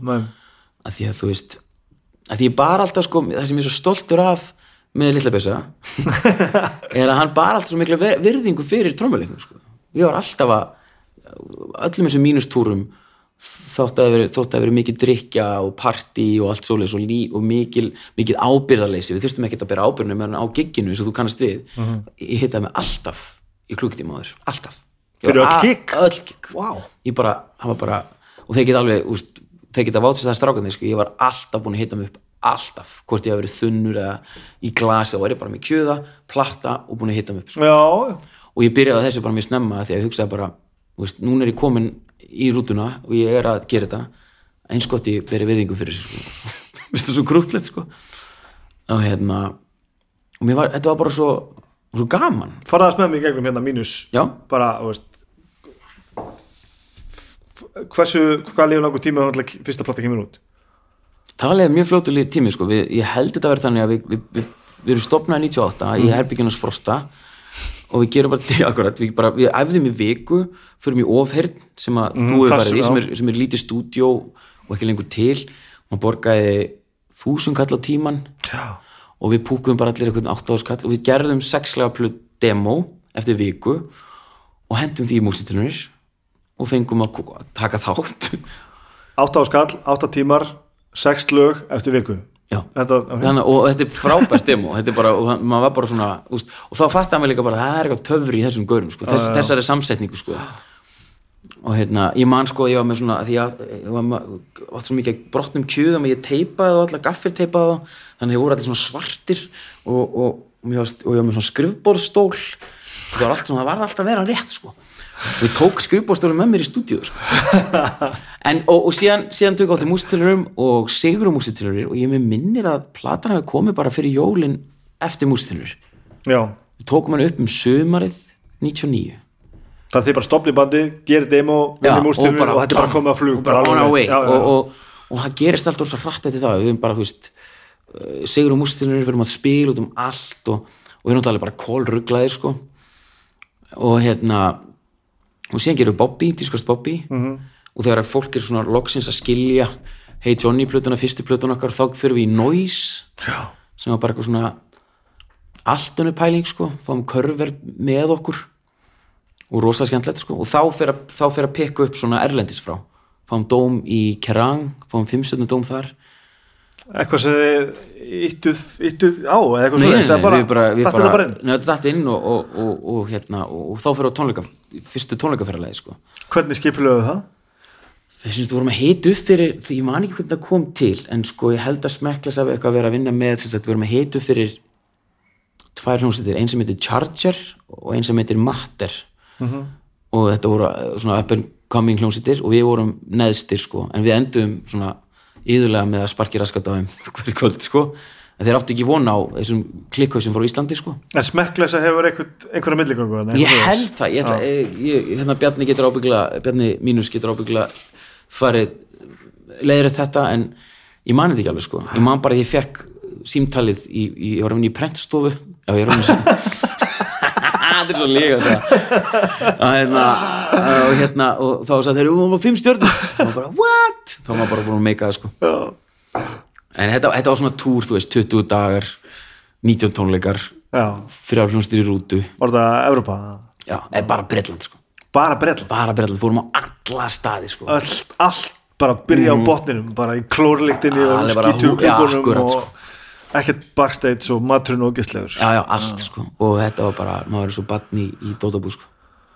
Og síðan bara uh, man ég í lokinu þessum túr sem er mjög áhugaverð saga er, er hvernig Haldur Lagsnesplatan verður til. Er að við erum sem sagt við spilum sem sagt, senasti gigi var uh, útvarstónleikar, svona út, útvarp á BBC fyrir að túra eftir Jesus Christ. Já, við erum að túra eftir Johnny eða það? Nei, Nei. og, og semst, við erum að túra þarna Dískast Bobby og þetta er 2001 held ég. Og við semst, spilum með útastætti sem er til á YouTube. Þetta er eitthvað svona noise, rosa noise upptaka. Og við erum að taka svona svartan legubíl upp á flugvöll og þá ákveðu hvað platan á að heita. Semst, Frosti kemur með þessu hugmynd bara næsta plata, hún heitir Haldur Lagsnes og við bara, já og við fórum sér inn með það hugafara að plata muniti heita það sko. og síðan fórum við að semja sko. það var geggjað dæmi sko. Þá var maður með sko, þú veist, konsept sko. Því við vorum alltaf að lesa Lagsnes sko. Sem er hljómar alveg fáralegt sko. mínus að lesa Lagsnes sko. en, hérna, en, en það er svo fyndið með þessa hljómsveit við, við leyndum á okkur á ymsum hlutum sko.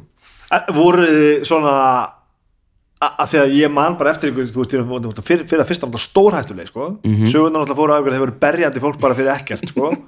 sem er ekki rétt sem verður ekkert En við, við, við, sko, við, við lömdum aldrei fólk sko, það var fáraleg setning nei sko nei, við, það var bara til að leira þennan miskling baby, þá fórum við viðtal í kringum Hey Johnny og við sögðum það var eitthvað fyrirsögn ef eitthvað böggar okkur, þá lemmið við hann já, já, og það var basically bara viljið bögga okkur sem við getum lamið Já, já, við, og þannig byrjaði þetta. Fólk var bara, við fórum inn í bæ og vorum alltaf fimm, við pössum okkur alltaf að vera saman ég veit ekki hverju, við vorum svo mikið gengi. Þannig að við þurftum bara alltaf að vera með hendur á lofti, sko. Að að þá held ég að skemmtist að hann hafi lóka klokkan þrjú manstu. Já allir út á götu allir út á götu og, veist, það er svo margar ljótar sögur af ofbeldi sem að maður hefur séð sem er svo leiðilegt að hugsa til. En en voru þið þurftið að berja frá semst? já, já, já, algjörlega og oft bara bara brýtni nöðsinn sko. Þú sér mig, ég er ekkit eitthvað ég, get- ég get ekki slegist til að bjarga lífið mér Nei, en ég man satt að maður var skítrættu því þið voru bara, þú veist þið voru svo mikil svona ólíkinda tón, Já, sko þetta já. var svo, þetta var svo já, þetta var svo ótrúinulegt, sko já, ég veit á, ég, ég hérna og ég veit hvað það meina það var svona, það er ekki endilega stærðin eða sko, þið voru ekki með hnúa í átna lofti maður bara nei, sá, nei. sá þetta og bara veist, á svona, svona óvissa í kringum þetta bara svona sem maður vissi ekkert hvort það kæmi eitthvað í nakkan á manni það var svaka það var þessi gengis Já, það var er svo, svona, klíka sko. og hérna við vorum svona þetta var líka rosa mikið þú vorum að túra sko. það var fóruð til milli mála að við værum að skemmta okkur sko. já, já, já. og svo kvarta undan okkur á börum og svona þegar við vorum alltaf hávarastir en þannig eru Íslendingar líka sko. Já, já. við erum með svona eitthvað svona klíku syndrom sko. en þetta var aldrei gert eitthvað meðvitað held ég, við, bara, við komum held ég allir frá ólíkum stöðum veist, þeir hafa sínar sögur eins og ég með held ég -hmm. sem bara hittust við bara og erum bara rosa pottur held ég sko en það eru við svaka það er fallegt samband hjá okkur í dag sko mm -hmm. hitta á um daginn og það er svona mikið vatn runnið til sjáar sko. já og, og, og, við munum bara þetta góða það er svo fallegt Bibi sko. það er einhverju öldur sem að hún vantilega þurft að læga samt já, já, já, já. Og, og, það er bara eins og í öllum samböndum sko. við vorum svo lengi saman í hljómsveitin sko. þegar Haldur Lagsins tekur flug þá erum við búin að vera að berja játni svo lengi sko, að okkur finnst líka sko. hvað er þetta komin langt tíma? sko, lag, þessi fimm ára eitthvað sko. já, þetta er samt það langt já, það er, það er alveg í lífum lífi ungra manna já, þá er það langur tími sko það er bara heil æfi sko og síðan alltaf gerum við gerum aðra plötu gerum hann í LA, Los Angeles sko. Fljúum út. Eftir Halldór Lagsnes já, þá erum við orðið þreyttir sko. Hvað gerist þá eftir, eftir Halldór Lagsnes þá túrið alveg fullt eða? alveg bara í þrjú ástritt sko. í þrjú ár streit Nánast, já, sko. ok, ok. Það var bara svona að maður kom heim beigði smá tíma spilaði eitthvað gikk hér og fór svo út aftur. Því þetta, við vorum að rifja þetta með upp sko, hittumst um daginn og bara vorum að spjalla og veist, fara eins yfir þetta. Að þú veist, sem tíðarandinn skilur það var ekki sem til Facebook sko það var ekki, MySpace var ekki einu sinni til sko. Ég man ég var bara með Hotmail. Skilur, MSN var ekki byrjað þannig sé sko. Þannig að þú veist, þetta var allt annur pæling skilur, þegar maður fór út, þá var maður alltaf úti sko. Þannig að það var ennþá fréttnæmt að við farum út og ég var, þetta, ég var svona úrklippubók sem ykkur gaur frá Keflavík tók allt saman. Að þú veist, það var, við máttum ekki reyf okkur, það var búið að gera eitthvað frétt úr því sko, já, já, það var rosa mikið sko, þú veist, við vorum bannaðir á samfés og, og bannaðir á akureyri, þú veist, það var að banna okkur, var basically verið að byggja úlingum að hlusta á, hlusta á okkur, sko. bara það er bannað að hlusta á mínus. Og bara, nei og síðan var líka sko og síðan sko síðan sko vorum við með svona mjög sko hérna flotta áhangendur aðdáðandur sko þegar á samfélsinu sem við vorum bannaðir á, ég vissi þetta ekki fyrir bara í gær að það voru úlingar sem fóru í mínusbólum. Þeim var meinaðar aðgangur fyrir að vera í bólum með mínus veist, pældi, þetta er bara mannréttindabrótt skilju, bara, þau bara ætluðu að, að hérna, þau ætluðu bara að standa með sinni hljónsitt skilju bara nei, þú ferð ekki inn í þessum ból wow. veist, þetta, svo, þetta var svo galið sko, veist, við vorum svo slæm fyrirmynd sko og að þeim fannst sko en, en hérna, sem, sem, kannski við vorum ekkert eitthvað besta fyrirmynd í heimi en, en, en svona eftir að higgja hvaða fyrirmynd er góð en, en hérna þetta, er, þetta var algjör úr síbanni sko. Ég hef stundum einstakar sem lendi þurfa að verja það hérna, einmitt, fyr- fyrirmyndamálin, ímyndamálin með ljótu hálfvitana sko. Já, maður setur, sendt frá sér einhverja myndi einhverja myndi sjást eða vídeo eða eitthvað sem við erum náttúrulega sko rúlandi fullir sko að gera eitthvað, þú veist, drekka eitt bjóri viðbútt og bara segja einhverja brandara og bara, og veist, veltandum í famlugum sko. Fólk bara, "Ha, passið ykkur nú hvað börnin sjá? Já, bara, ertu vissum að viljið ekki að börnin sjá þetta? Þú veist, það, þannig eru við sko, svo heimin hoppandi glæðir og ánæðis allir vinir, eins og ólík, ólíkir og hægt er að hugsa sér sko, allir taka til, til hver, hver til annað sko.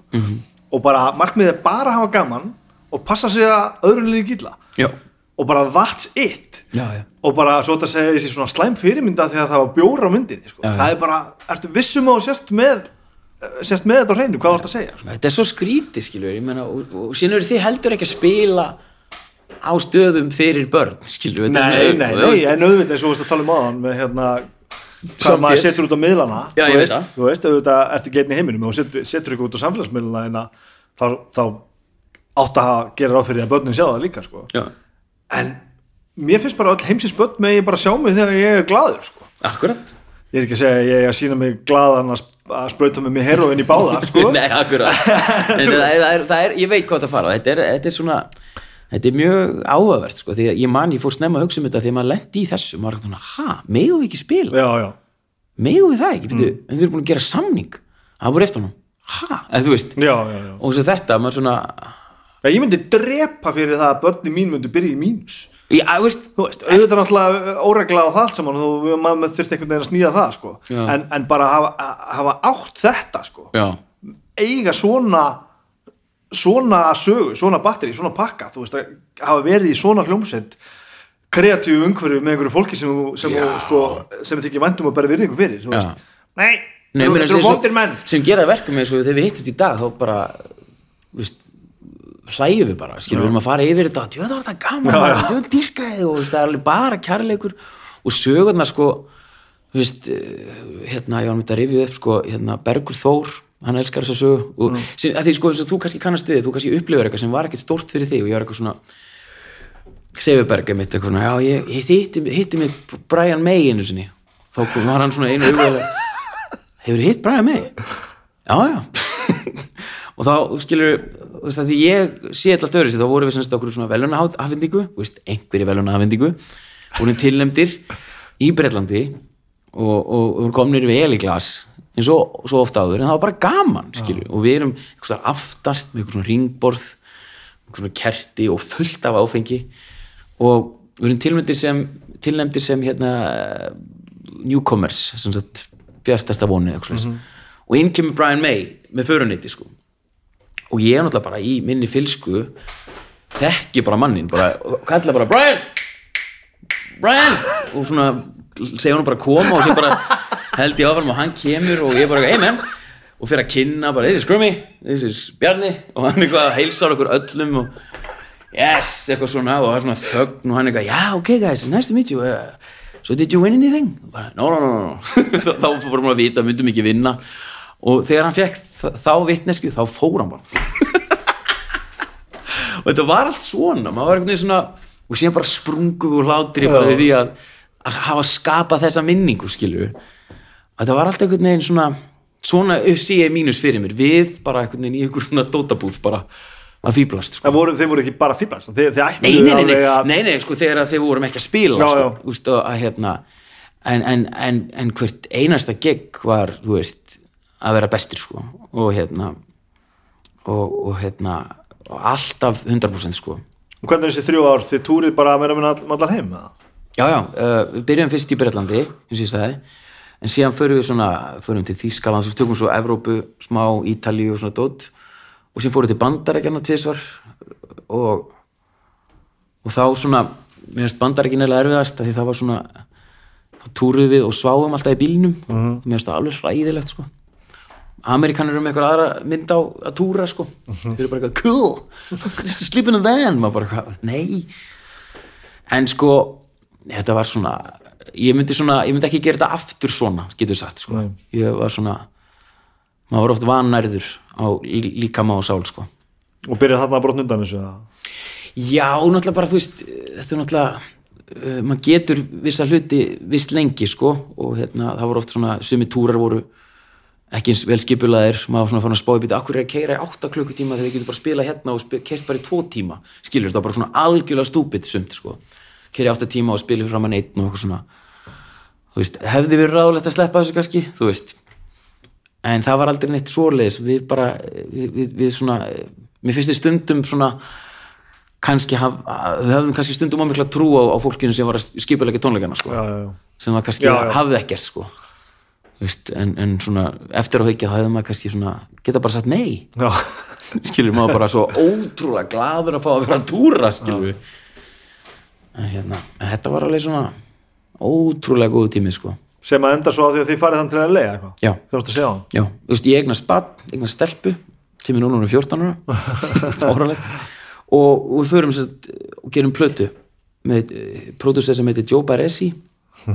Og hann hefur tekið upp Tool og Queens of the Stone Age og svona þekktur engineer. Já, legend Já, og það var alveg frábært sko að vinna með svona hérna, flotti fólki. Ég man að þegar ég kom sko þá hérna, voru bara svona, voru svona kistur af, af trommum. Og ég mátti ekki svona velja hvað trommur átt að vera. Það var bara, þú notar þess að snera trommi þessu lagi. Saði hann? Já, bara eitthvað, já, já. Og, og, og hérna, ég hafði náttúrulega eitthvað að segja en mér finnst bara svo áhugavert sko að maður er bara vanur að mæta mér bara með sitt sett sem, Já, er, já, sem er alltaf skinnað sko. Bara, en þú veist, þetta var Hollywood sko. Já. og hérna, það var trommutek með mér allan tíman sko. Hver var að borga fyrir þetta? þetta var bara í samlingum okkar sko. Maður. Og hérna og ég man bara svona ég man ég hugsaði þá sko. Og ég er vera til Los Angeles. Það er eins gott að ég hérna, verið tilbúin sko. Þannig ég æfði máli í mánuð bara svona. Já, já, og ég ætlaði sko ekki að hérna, og ég held, mér finnst sko svona trommulega séð, finnst, er ég ánæðustu með lokaplötuna sko. Já. Því þar er ég svona guns blazing eins og maður segir á góður einsku að mér finnst sko. Það er að gera svona hluti sem ég ræði við sko. En hérna, ég er også ánað með þá plötu. Þú veist, og það er alltaf alveg að setja út á hana en, en, en svona, með að hvernig ástandi vorum í að þá finnst mér að hafa gert frábæra plötu sko. En hérna, þetta var alveg magna stúdíó og Voru í stúdíun hans? Nei, við vorum bara þetta var bara heitir Sound Studios eitthvað, Sound Factory eitthvað, þetta var bara í miðri LA og held að allir stæstu að tekja hann upp sko, svaka herbyggi og, og, og það var bara svona maður sem kom alltaf bara, hvað vil ég matinn? þá bara, ég var eitthvað í pítsu. Og þá bara hvernig fekkst þú pítsu og hinn fekk núðlur skilur, Vá. þetta var svona þetta var svona gaman að upplifa það sko. Og varstu le leiðir hann eins og þetta væri bara þetta væri komið til að vera? Fannst þér eins og væri nei, sko, þarna er bara sko að því málið er sko, þarna eru komin smá brestir í okkur. Já, og þá er ekki að neitt eitthvað svona, það er engin eitthvað fyllir í, þá er bara meira bara svona við erum farin að hugsa aðeins meira bara svona byttunum við, hvað svo, skilju að því ég er komið bann og ég held að, að Bjarni sem er óleita konu hrefna sér óleitt og, og ég man ég hugsaði bara, ætli ég bara alltaf að vera þessi típa og svo pabbi, skilju að því það var komin svona umbósmennin í þetta og svona amerískur umbósmaður sem er Drake hann hann er Drake. Og hann með þess að fór með okkur í sko, hann, hann átti sko íbúð í Hollywood Hills og átti svona trophy wife, eitthvað svona flotta konu mann ég sem að var ekkert á millið þeirra, var ekkert fallegt sko, það var bara eitthvað svona, þau voru bara eitthvað svona business agreement eitthvað samvinna þeirra. Og við byrðum okkur í mat og þetta var allt svo stílreint og flott eitthvað og og ég mani hugsa bara, hvað er þetta púk upp á okkur maður, skilu, erum við að fara að gera þig ríkan en sko, þetta var svo mikið ævintýri, en ég mani við að fara að hugsa mikið bara svona bitu nú við, skilu, það er eitthvað. Já, já. og hann var að kasta út svona, herru ég, við kaupum bara íbúð.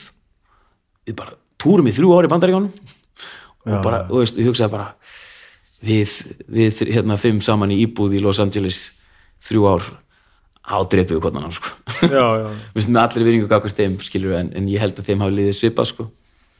Að því ég bara svona þegar maður eignar spatt þá gerist eitthvað sko. Mhm. og hérna svona þá, þegar maður hef, þegar, sko, eins og þú segir, þegar maður er farin að taka upp plötu í Los Angeles þá á maður kannski að vera bara, wow, þetta er bara komið til að vera. Það er allavega að þetta veltaði fyrir sér já, já, Hvort en að- þá, þá voru við meira svona held ég svona veist, er þetta málið, skilju? Er svona, þú veist, að þetta er svona point of no return. Já, skilju, við, við hefðum alveg bara geta sagt já, keftis, eða veist, leikt eða kefti þessa íbúð og bara fara the road og týnt okkur í þrjú ár sko, brent okkur út sko. Við hefðum alveg geta gert það en ég mynd bara mann það, ég vildi það ekki sko og ég held að þeir hefði ekki viljað það heldur sko. Og hvaða leið fyrir þetta þá, eftir það?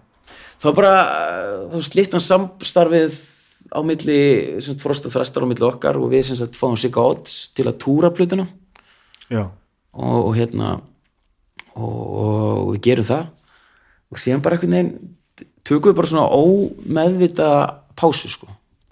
Tökum bara við, það er enginn svona ákveðin veist, nú tökum við pásu eða nú hættum við, það var aldrei gert sko. Það var bara, þú veist þetta er bara einhvers konar orka sem er til og við getum bara svona kveikt í henni þegar það er til. Allir eru til sko.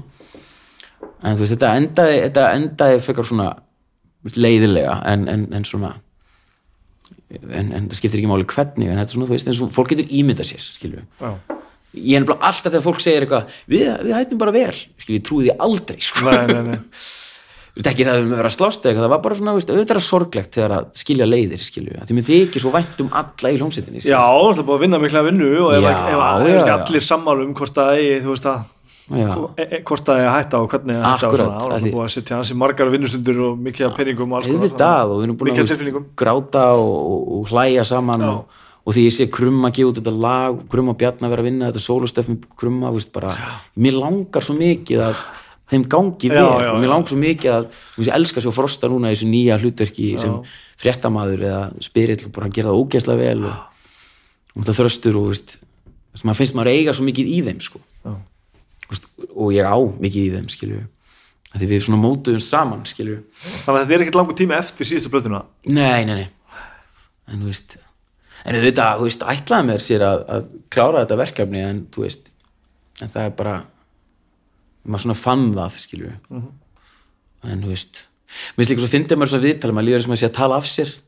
En ég ætla bara að æfa mig í því skilju, ég er ekki, ég er ekki að segja við ljótt sko. að það, þú veist, ég er að bara þú veist að mér þykir bara svona svo vænt um þetta tímbil já, og þessi strákar sko.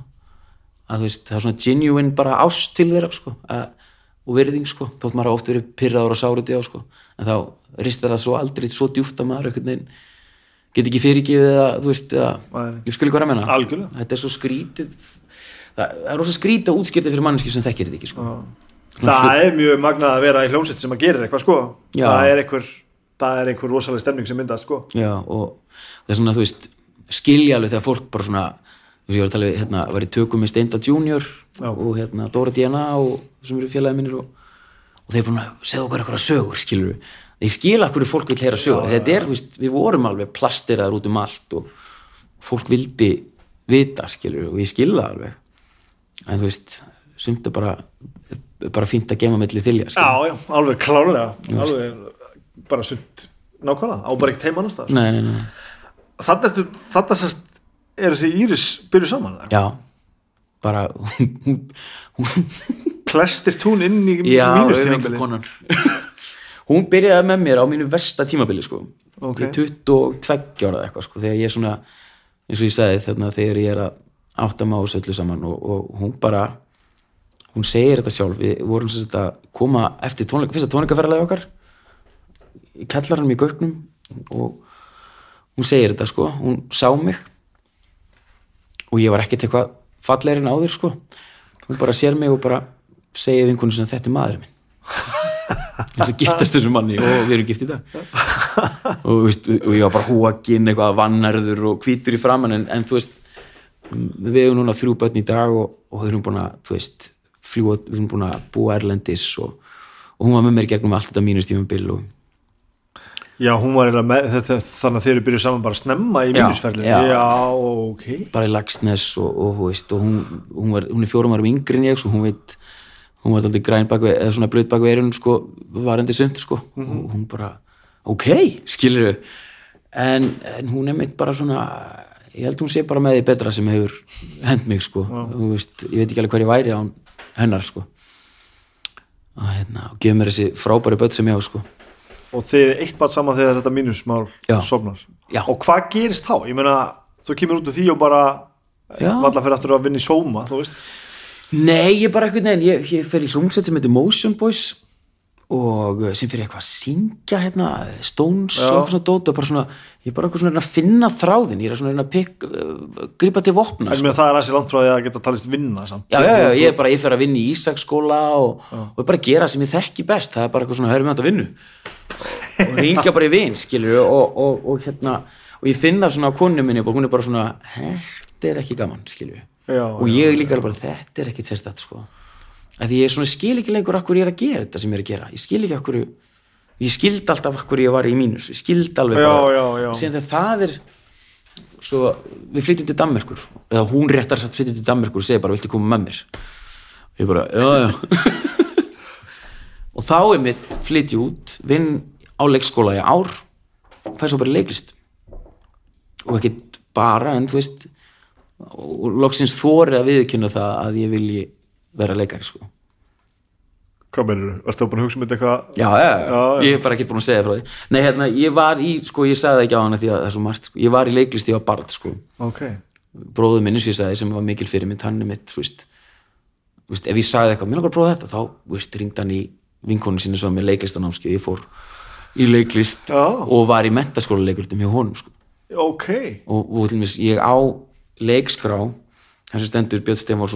og, Dóri Gilva þá var það eitt af fyrstu leikurtunum hans og síðan höfum við leikið í borgarleikursunni saman sko. ekki hafði ég hugmyndum þetta nei, ég, seg, ég saði einhver frá þessu líka, þú veist, ég fór í indökuprófið, ég saði einhver frá því sko. Sem, segi kannski meira um- úti mennur já, Já, já, já. að því sko því sem tónlistamæður að það er þessi, þessi mýta að leikar eru bara hálfvitar og, og leikarapartíð er en ég var alltaf bara svona, mér langar sem ég við og, og, og hérna, og ég man þegar við vorum að spila hérna, það mínusalátin hluti af mínusalátin hérna, gera músíkinni í dískast súpistar svo var mjög skemmtilegt.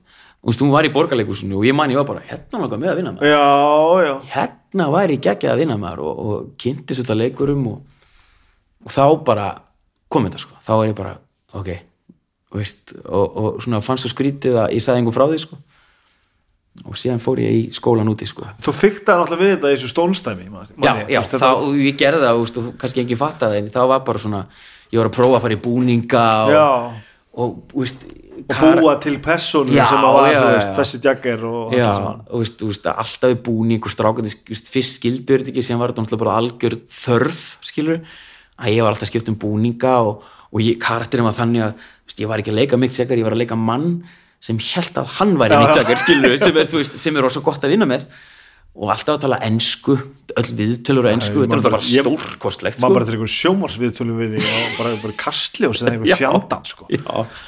Svo veist, það var alltaf verið metnaður sko, svo, uh, svo þetta ætti ekki á að koma inn þetta óvart sko. en, hérna, en, en það er uh, svona þetta er bara góð punktur, ég er s- svona, og maður gleyma þessu þessu Nei, bara, þetta, er stólspyrjunum þessu skilur, að hérna, því að þú veist, að, að því mann, sko, ég var að reyna að fá strá, ég, ég og Bjarni stofnuðum þetta, sko, ég var að fá, hérna, gauðra með mér í þetta, þá var allir bara eitthvað, veitu, ha, ég fór að gera coverband en, en konceptið var bara að spila Rolling Stones Já. og þykjast vera á bara vera stóls já, bara vera Stones og mér því, og þetta var alltaf svona, nei, nei, nei, þetta er ekki svona tribut, nei, nei, nei, nei, nei, þetta er að, það er glata, þetta er alvöru, sko. Og hérna, þú veist, að, að, því mér finnst eitthvað svo gaman þessu pælinga að vera með sumu hljóðfærin og vera með eitthvað að takta og, þú veist, og, og hérna og, spila á players og, þú veist, eitthvað staði sem við þekkjum ekki neitt. Spila fyrir fólk sem að, þú veist, við hefum aldrei spila fyrir áður. Og það bara var gekk sjúklega vel með þér og hérna, vorum að spila út um allt land og okkur út, mér langaði bara að prófa þetta konsept og er þetta frá þér mest þetta, Já, svona þessi karakter kom sko, hann er gamall sko, hann svona var alltaf í mínuspartíum bara eitthvað, þá leikið bara. jagger, eitthvað svona, það var eitthvað fyndið í 5 sekundur og síðan bara veginn vattið upp á sig sko. Og síðan alltaf Bjarni náttúrulega, dyrka Keith og vildi grúska í þeim manni mikill aðdáðandi hans. En síðan er þetta bara svo ekki hljómsveit líka að mér er bara svo fyndið að, að einsetja sig það að bara grúska í þessu bandi og vera bara að spá í hvað þið voru að gera þetta ár og þú veist, og ég, við heldum tónleika í háskólubi og þá skipti ég um búninga átta sinnum. Og með, var með, kæristunars frostana hrafnit hún var að hjálpa mér í hraðaskiptingum. Skilur þetta var bara þú veist, metnar Leikhús. leikhús, alveg skilur og, og, og hérna, það var ógeðslega gaman maður. Og ég veit ekki hvernig gæðin voru en maður var bara, þú veist, ég elska svona bull sko, ég elska svona rugl sko. Og hérna og síðan bara vinn ég veit í dag skilur var einhver aðdraðandi þá að því að þú leitar þessum skólaðan úti? Bara, þú veist, var þetta bara frekar basic að fara þá bara Nei, uh, nei, mér langaði bara að segja með mentun og mér langaði að gera þetta og vinkonum mér var í þessum skóla og, og hún var alltaf bara, þú, þú er að kunna dönsku sko, þú kemst ekki inn í skólan og bara og ég einmitt bara fer í indugprófið og, og gera það á ensku og, og hérna, og veist, heill dagur í eitthvað rugl, sko. Og, og ég fór út úr prófunu handvissum það að ég var ekki að fara að læra leiklist, sko. Já, akkur bara mér fannst ég svo lélugur eitthvað og, og ég kunni ekki dönsku og það var alltaf sagt bara eitthvað þetta skal vera på dansk. Uh, og sko að meina? Og maður vorum að spinna eitthvað. Og ég bara eitthvað no, I don't speak Danish. Eitthvað bara óna það bara. Já, já, ég bara óna það. Og þeim fannst það svo fyndið en síðan bara mánuðið setna þá komst ég inn og þá bara svona fekk ég sjokkið bara, ég er að fara í skóla í þrjú ár. Og ég er að læra ljósmyndur að nota það Já, hún var bara að klára ljósmyndun og var þá að vinna núna, var þá að vinna hjá sagt í svona, svona starfsnámi sko, hjá alvöru ljósmyndara. Þannig að, alvöru ljósmyndur já, svona alvöru já, bara alvöru, hann var að hún, hún var að, hún var að, hún var að mynda hérna svona skarkgripi sem er bara svona alveg, sko, það verður að vera alveg, Já, sko, já, vá. 100% sko, hún bara, það eru svo fáur Íslandi sem kunna ég það ætla að segja þetta hljómar rosa basic bara, vá, og svo En- leið og hugsa aðeins það bara já, já, hún, já, já. hún líka alltaf bara, sér ekki skuggan ég alveg, hvað skugga, skilur veist, þetta, þetta er alveg, hún er með eitthvað algjör að náða gáðu sko. En síðan fer ég, þetta þryggjar á nám og ég má ekki tala ensku. Það var alveg, hérna, eitt verkefni kennarans var að labba fram á gang og spotta það ef einhver var að tala ensku við mig svo ég var einn, já, það mátti ekki tala ensku við mig. Þetta er, og þurftur bara að læra dönsku með frá því að læra leiklist? Var það bara þannig? Já, ég sem sagt sko þetta var náttúrulega svaka álag sko. Að því sko þú veist, þetta voru allt danir sko. Og leiklistan á mig þannig það er svo krefjandi andlega þú veist að ég held að hafa gest sko hverju minnst að degi að einhver í bekknum mínu fór að grenja út af álagi sko. Þú veist, það var svo, svo mikið þú veist reyka gatnundar og fólki eða eitthvað svo les en ég, ég skildi eða ekkert hvað var að gerast. Nei. en þú veist, ég sem sagt gerði það held ég hverjum einastu degi fyrsta árið, þá fór ég á kaffús með bekkjafélagi mínum og ég las fyrir hann bók á dönsku og hann leiðir eftir mig. Þú veist, það var bara klukkutími ég gaf hann kaffi og sem var ég bara eitthvað ok, og las. Að því að sko það var ekki nómið það að ég þurfti að kunna dönsku ég þurfti líka að vera með sko hreiminn sko. Skilur hann alltaf bara, nei, nei, ekki ekki, þetta er ekki. Eða skilur við. Og það var náttúrulega bara til að bæta ennþá meira hún og kvíðan sko sem að ég vann með mér hann úti. En þú veist, ég gerði Shakespeare á dönsku og ég gerði, þú veist uh, Tjekkov á dönsku og, og, og hérna gerði, hvernig í anskotan ég veit það ekki. Var metnaður bara nú mikil þegar þú bara Já, já, síðan, Eða síðan, bara, síðan fór ég að finna einhverja brjóstverki og fór í rannsókna, rannsókna því að ég átti svo með, já, ég andaði svo grund, sko, ég var ekkert að tengja við það að ég var í kvíðin, sko. Læknir var bara eitthvað, já, herru, það er, það er nú eitthvað skrítið með andadráttin hér. Ég var bara eitthvað, en sko, en sko, djöf, þetta styrti mig svakalega, skilur ég, þú veist að, ég var eini í útlendingurinn, sko, bara með dönum í þrjú ár.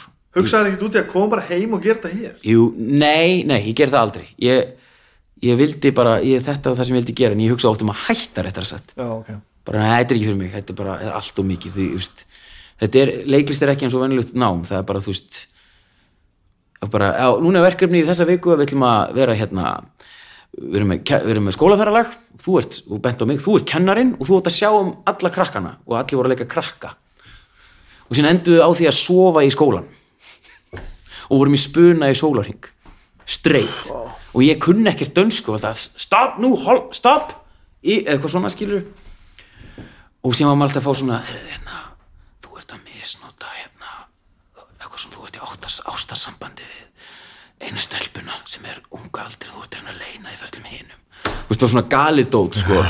Veistu hvað er að vera alltaf þarf þarf gamli leiklistakennarinn að vera með eitthvað kynfyrirslegt skilur sem, er, sem betur fer búið að uppræta út um allt sem betur fer vonandi. En þetta var tussu erfitt skilur og síðan kannski bara áttuðu til bara núna ætla að vera með spuna út á götu og þið er að komast inn í bíl hjá einhverjum. Nei, þið er er að fá far hjá einhverjum.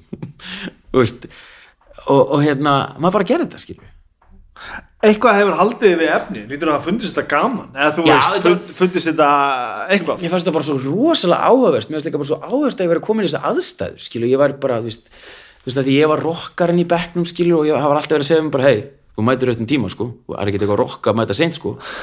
Að það var bara læst sko ef ég mættu seint sko. Svo veist, ég þurfti rosalega á þessum aga að halda sko, ég fann líka bara, hei, það var að kenna mér eitthvað svo miklu meira en bara leiklistina sko, Já, já, já. þótt að það hafi verið bara fundamental atriði sko, en þú veist ég kom hann inn sem eitthvað trúður sko. Og hérna og ég hætti að drekka á nákvæmlega sama tíma sko. og þú byrjaði í skólanum? Já, ég bara, ég hætti að drekka 2010 byrjaði skólanum þá. Og teng, tengjur þetta saman eða? já, ég veit ekki, ég, sko, ég hérna, var bara búinn með þetta tímumbil að drekka. Og, og, og leiklist er oft hérna leiklistskólinu þannig að þú veist, eftir vikuna þá færi allir á barinn og, mm og sparkast í skónum og bara svona ah, þetta er þetta erfitt maður. Ég hafði það ekki einu sinni, sko, ég fór bara heim skilur á meðan, þú veist, á mánudinu þá voru þau öll búin að vera að djamma saman og eitthvað svona skilur, svo að þú veist ég valdi ekki besta tíma til að þetta drekka en af hverju hættur að draka? þetta var bara þetta vel. Uh, nei, sjúklega heðalega spurning. Ég var bara ég fekk bara eitthvað andlega vakningu. Ég var bara búin að vera eitthvað spurði mig allt og ofta því akkur ég get ekki stjórna drikkjunum minni en þú varst þar sem sagt, þú já, ekki já, hún byrjaði bara 2001 sko. Ég kannski fekk mér tvo bjóra og síðan bara eitthvað neginn bara sólurring setna var ég bara ennþá fullur. Já, og og það ætlaði að mér að vera að gera eitthvað allt annað. Mm. Ústu, það var að og ég, og sem betur fer sko þarna 2010 þá þú veist, það, það, ég, Íris fór ekki frá mér eða, þú veist, það hefði alveg endanum gert það potið, sko. en þú veist, það gerist ekki eitthvað markvist sko, en ég bara fekk bara eitthvað svona, herri, ég get þetta ekki sko. Bara, rosalega, ég er rosalega ánæði með það og ég hef ekki fengið reyna lungun í það síðan sko. tókstu bara að mér sko. og tókst bara ákvörðun um að drekka ekki aftur Já. Já.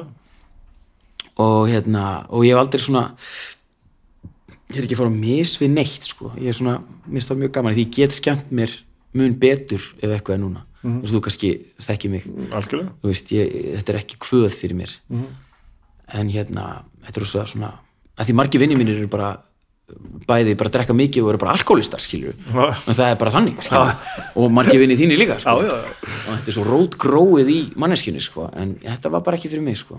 og, veist, ég gerði þetta bara allt á þreymur árum hann með mínu sko. ég held bara svona og er þá mögulega, veist, er það einhver orka sem átt að kanala þá yfir í leiklistarnámið eða eitthvað svoleiðis nei, alls, nei, nei, nei, nei, Þið lífur það verið að bara Nei. að leysa áfengið að hólmi með því að nei alls ekki, nei, nei, ég hérna, maður þarf alltaf bara að finna annað sko, þú veist, þú er að finna eitthvað annað tóm og þú veist uh, ég hef ekki fundið sem betur fyrir aðra fíkn, ég drakk rosa mikið kaffi. Ég drakk rosa mikið kaffi. En þú veist, en það tók rosa langa tíma fyrir mig að, að, að hérna, fólk sem hættar að drekka það kannski tengi við að þú veist, þú veist búin að öll skemmtun, öll gleði er tengt að fá sér bjór, skilur bara nú, nú fá okkur bjór það var bara tekið frá mér, skilur Já. svo ég þurfti bara einhvern veginn að endur skoða það mál, sko Já. og það fannst mér rosa sérstætt sko. en eftir ár af svoleiðstæmi var það bara komið sko. Já, já. og hérna en og þetta er svo langu tími maður ekkert neins svona spá kannski ekkert meir í því lengur en ég spáði þessu daglega bara fyrstu tvö ári sko.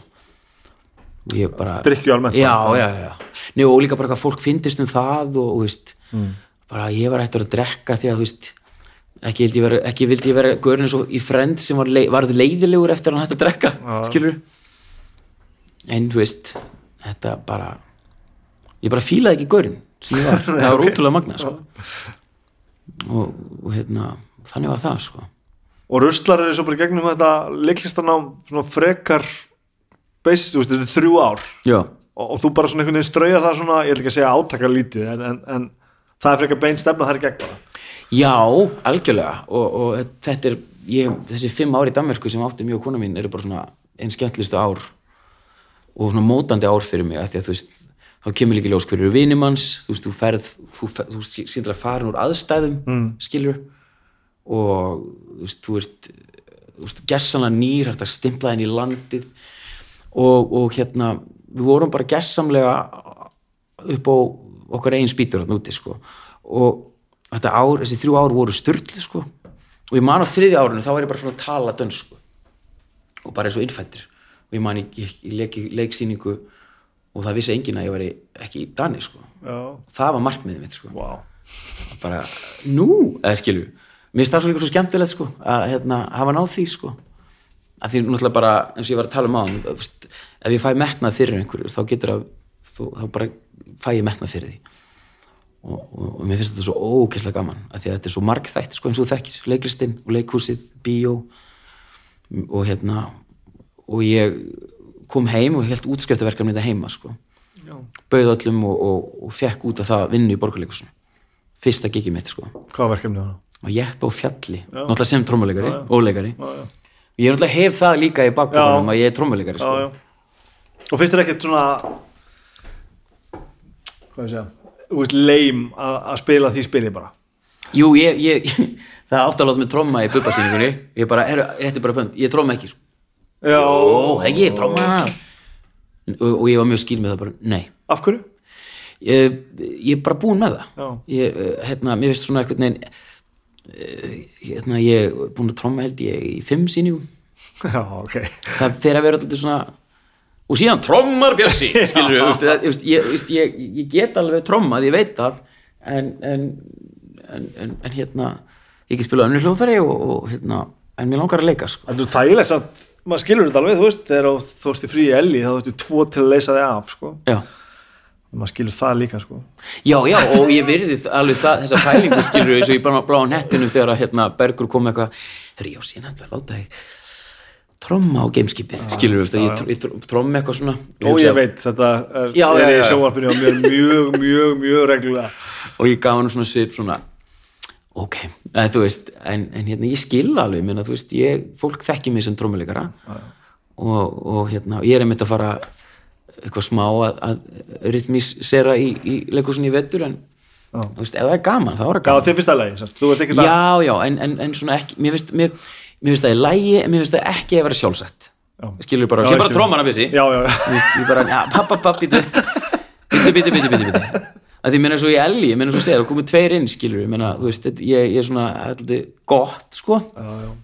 En þá er hún líka náttúrulega spilandi kast, þú veist. Já. Það meikaði nú líka sens í elli já, en ég meina, þú veist, ég, ég, ég það var, það var hljómsveit og síðan voru leikarar og ég var Varst þú á- svo eini? Ég var svo eini Þú varst svo eini Já, hann er náttúrulega Aron Saxisti sem er æðislegu maður, hann er náttúrulega bara meðfættur hann er bara, bara kann þetta bara. Já, já, já. En hann er ekki lærður Nei, leikari. Nei, nei, þú En- varst eini sem, já, þú veist að hérna áhuga já, og sem, þannig, að- þannig að maður var með Sigga Guðmunds á hin- einni línun og, og leikstur Góð sýning maður. Hún var rosa góð, ég rosa ánægð með hana.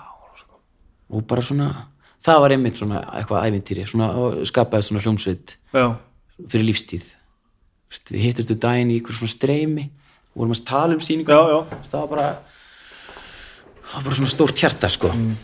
Og hvert sem ég fer bara í enn, þú veist, ég var í tökum í fyrradag þá kom kona og þú veist, var að segja mig frá því að ég var að leika hérna, þú veist, mann í sýningunni sem að hún þekkti. Já einmitt þetta náttúrulega. Já, veist, þetta er náttúrulega verið svo mikið alvöru persónu Já. sem það eru, eru þarna. En finnst það svo áhugavert að svo núna er ég að leika Bubba í Bubba sýningunni já, þú veist, þetta er, þetta er, þetta er mjög sturluð vinna sko og, og, og skemmtileg hvað það var þar sko svona, ég er alltaf að upplifa svona ég sendi búið sviðið í borgarleikursunni og ég held á munnhörpu og ég er að syngja svartur afgan.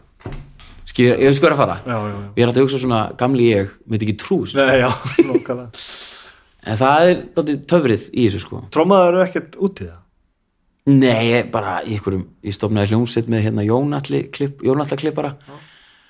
Það var reynda gegn hljómsveituna, hún heit Majorka ok,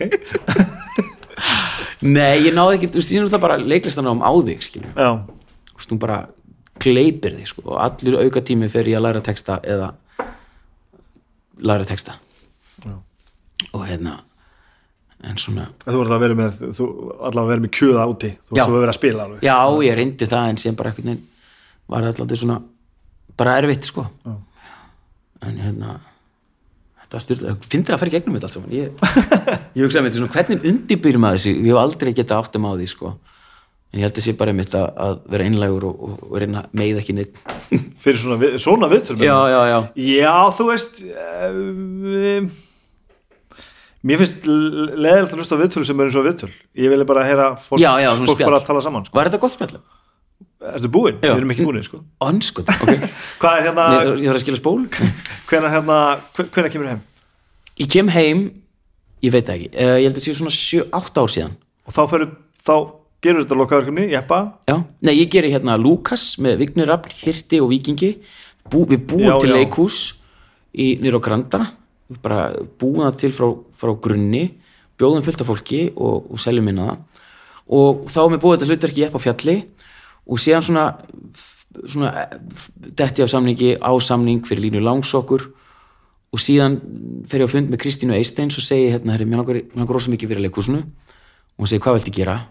og mér langar bara að gera allt og hún bara, ok, cool og sér ringir hún í mig viku setna og segir, herri, ég hérna, það var að detta út leikar hjá mér í, í, í Billy Elliot Mhm.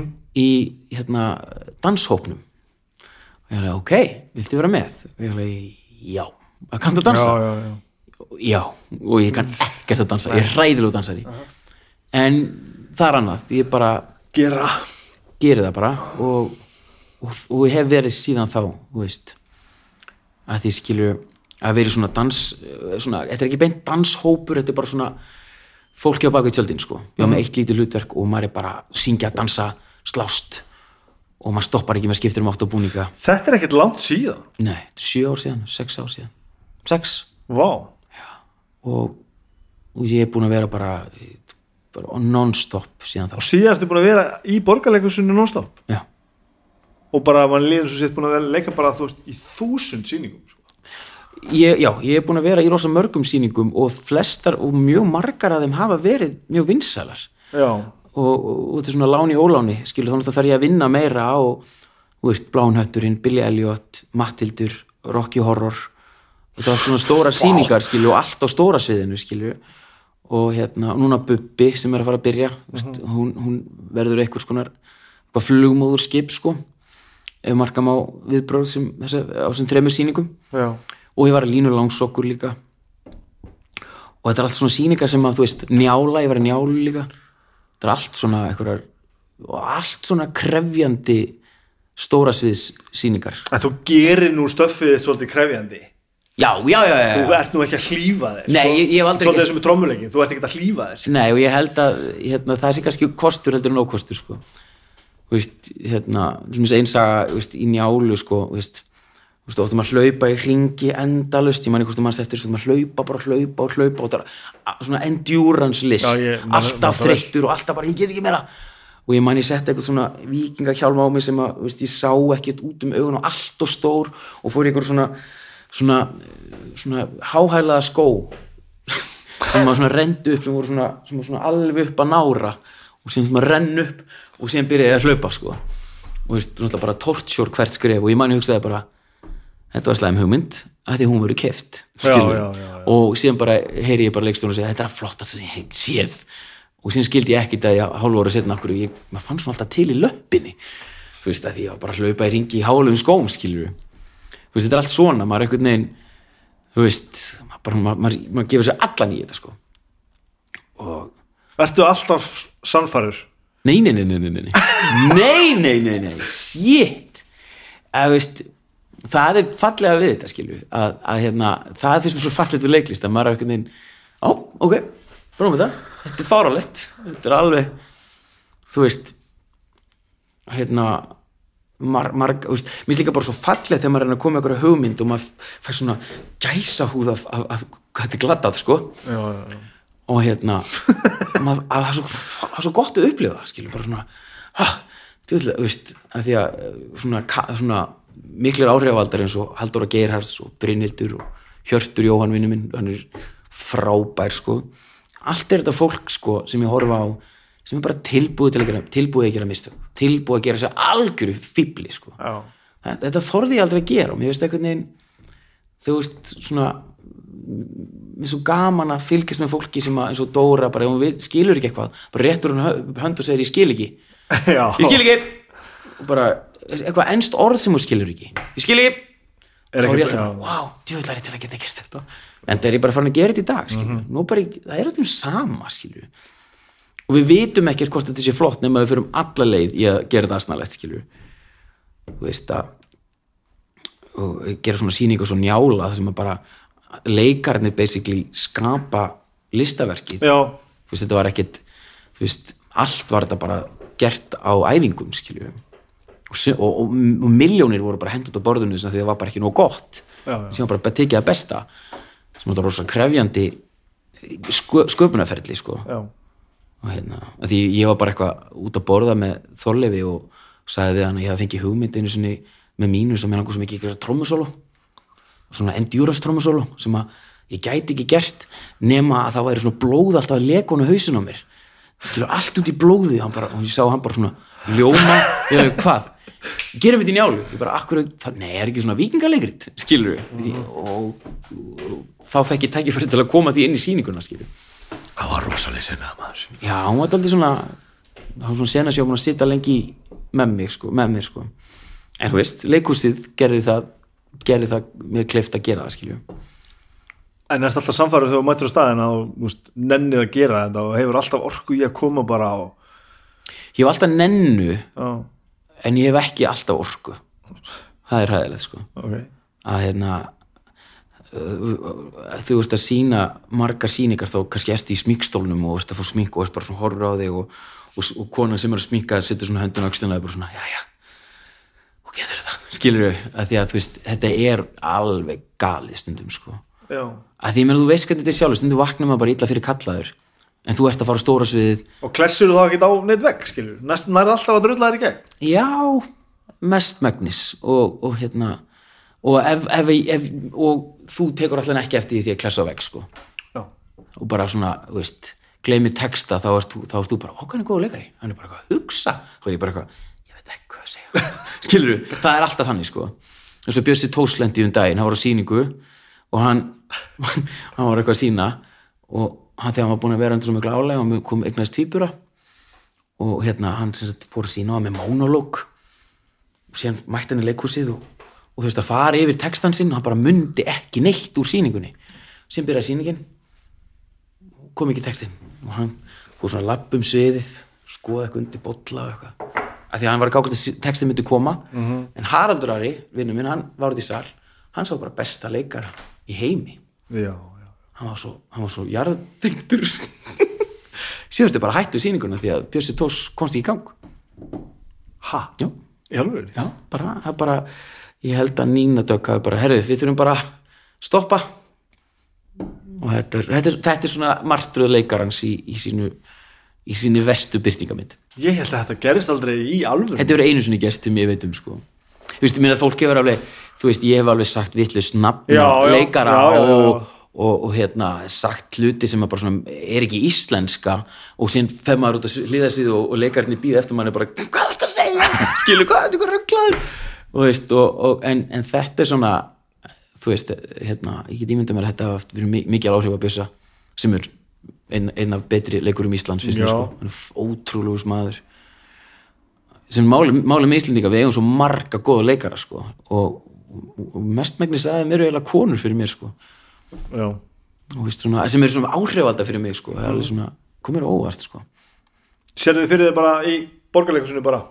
Ég sem komið þær, ég meina þú veist eins og ég segja, sagði aðan, ég hef aldrei verið tengdur neinum vinnustæðins mikið og hefur verið þessu húsi, ég er bara svona mér er virkilega andum allt sem geng, viðgengst í þessu húsi og, og mér langar að vita um starfsmenn og eða skilur hvað er að fara, mér er eitthvað svona ég er með í fyrsta skiptu á æfinni skil, ég er alltaf bara eitthvað svona, nei ég ætla ekki að vera með í starfsmannapartíinu, ég nenni því ekki þú veist, í, göm, í gamla daga sko, að því ég bara, ég er ekkert að fara að kynast ykkur meira, skilur við, sagði það ekkert en, en þú veist, það er eitthvað svo falli orki í þessu húsi og það er eitthvað svona á öllum sviðum, skilur og hérna, en ég, ég er alveg til að prófa að vinna í þjóðlíkúsinu og, og, og ég er búin að vera að vinna í bíó líka og mér finnst það æðislegt sko. Já, mér finnst það svona uh, ég ég mun svo þakkláttur fyrir það eins og núna er ég að vinna í sjónvastáttum í sumar og veist, það er bara ég er að borga fyrir að leika mér einfallega bara að hanga með Jóni Gnarr eitthvað,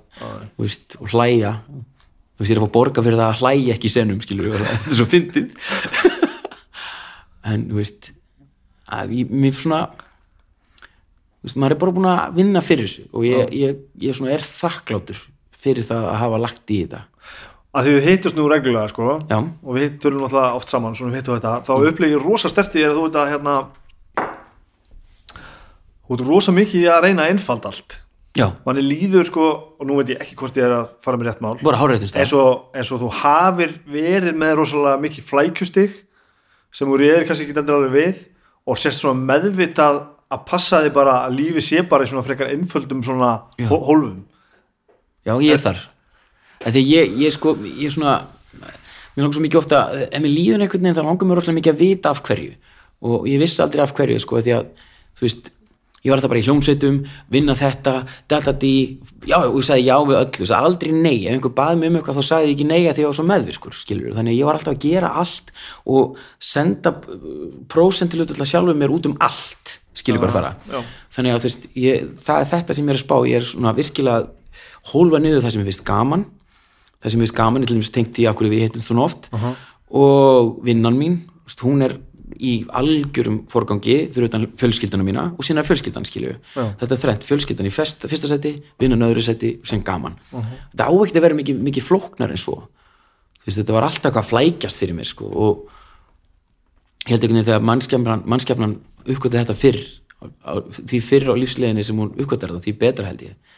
Að því að það er eitthvað svo gaman að vera til þegar maður uppgötar þetta sko. Já, þar maður samt ekki að, maður þarf samt að, maður þarf samt að líða eins og maður hafa unni fyrir því að uppgöta þetta. ég er, ég mitt, ég er að sko það er það sem ég er að upplifa sko þú veist, eins og þegar að ég man það var eitthvað stelpar sem sagði mig með borgarleikusið eða stelpa eða strákur, ég man það ekki sagði ég verið heppin og svo heppin mér finnst það svo neikvætt orð sko. Og með borgarleikusið og svo heppin maður. Og ég, ég tók ég bara svona nei, Nei, ég sko trúðu mér þessi hérna maður sem þú talaði við, hann er ekki heppin því ég er kannski heppin að vera á lífi Já. en ég er sko búin að vinna fyrir þessu öllu saman sko. Já, ég er búin að veist, ég er búin að standa á sviði sem ég var 15 ára skilur og, og, og hérna tálka þessa spýtu bara frá því mann eftir mér sko. Og hérna og, og hérna svona með svona veist, of einfalt að segja að ég sé heppin sko Ein, jú, uh, ástæðan fyrir ég uh, fekk hérna hlutverki í mávinum var að var útlensku leikstjóri sem kom til Íslands tók viðtal við mig, þekkti mig ekki neitt ger ekki greinamun á milli mín eða Hilmisnæs og gaf mér bara aðhlutverkið skilur þú hver að fara? Já. það er að vera heppin sko uh, hún veist ekki hvort ekki að leika eða ekki en þú veist, allt annað svona þú veist, eins og með mínus, þetta var ekki heppni svo þú veist við bara, við vorum bara eitthvað gengi sem bara skilju, fólk var hrætt sko veist, ég vil vera hrættur þegar þessu rocklúsið þetta sviðir sko. ég vil bara, fuck. Eins og því ég sé skálmöld á sviðir skilju, þú veist, ég mis ég tengi ekki eins mikið við skálmöld á disk og ég ger á tónleikum nei. Þa, þá skil ég bara nú veit ég hvað það snýst um skilju það er þessi grunn orka þú veist. Og þannig leikús fíla ég líka bara eitthvað svona sem er bara ekkert eitthvað að vera að passa sig sko. Nei. sér allan í þetta sko. Það á ekki að passa sig? Nei, ég veit það, veist, Það er nefnilega svona nákvæmlega þannig, maður á ekki að passa sig. Maður þarf að koma sér á þannig stað að maður þurfi ekki að passa sig. Já, einmitt, þú veist. En maður hefur ofta alveg gert, maður hefur ofta verið klunnalegur skilur, maður hefur ofta alveg meitt sig og allt svoleiðis en, þú veist, fengi einhvern nikk að því maður var okkur að reyna mikið á sig en, en þú veist það er bara svo gaman. Svo gaman, sko. Takk fyrir að tala um mig. Já, maður gekkja það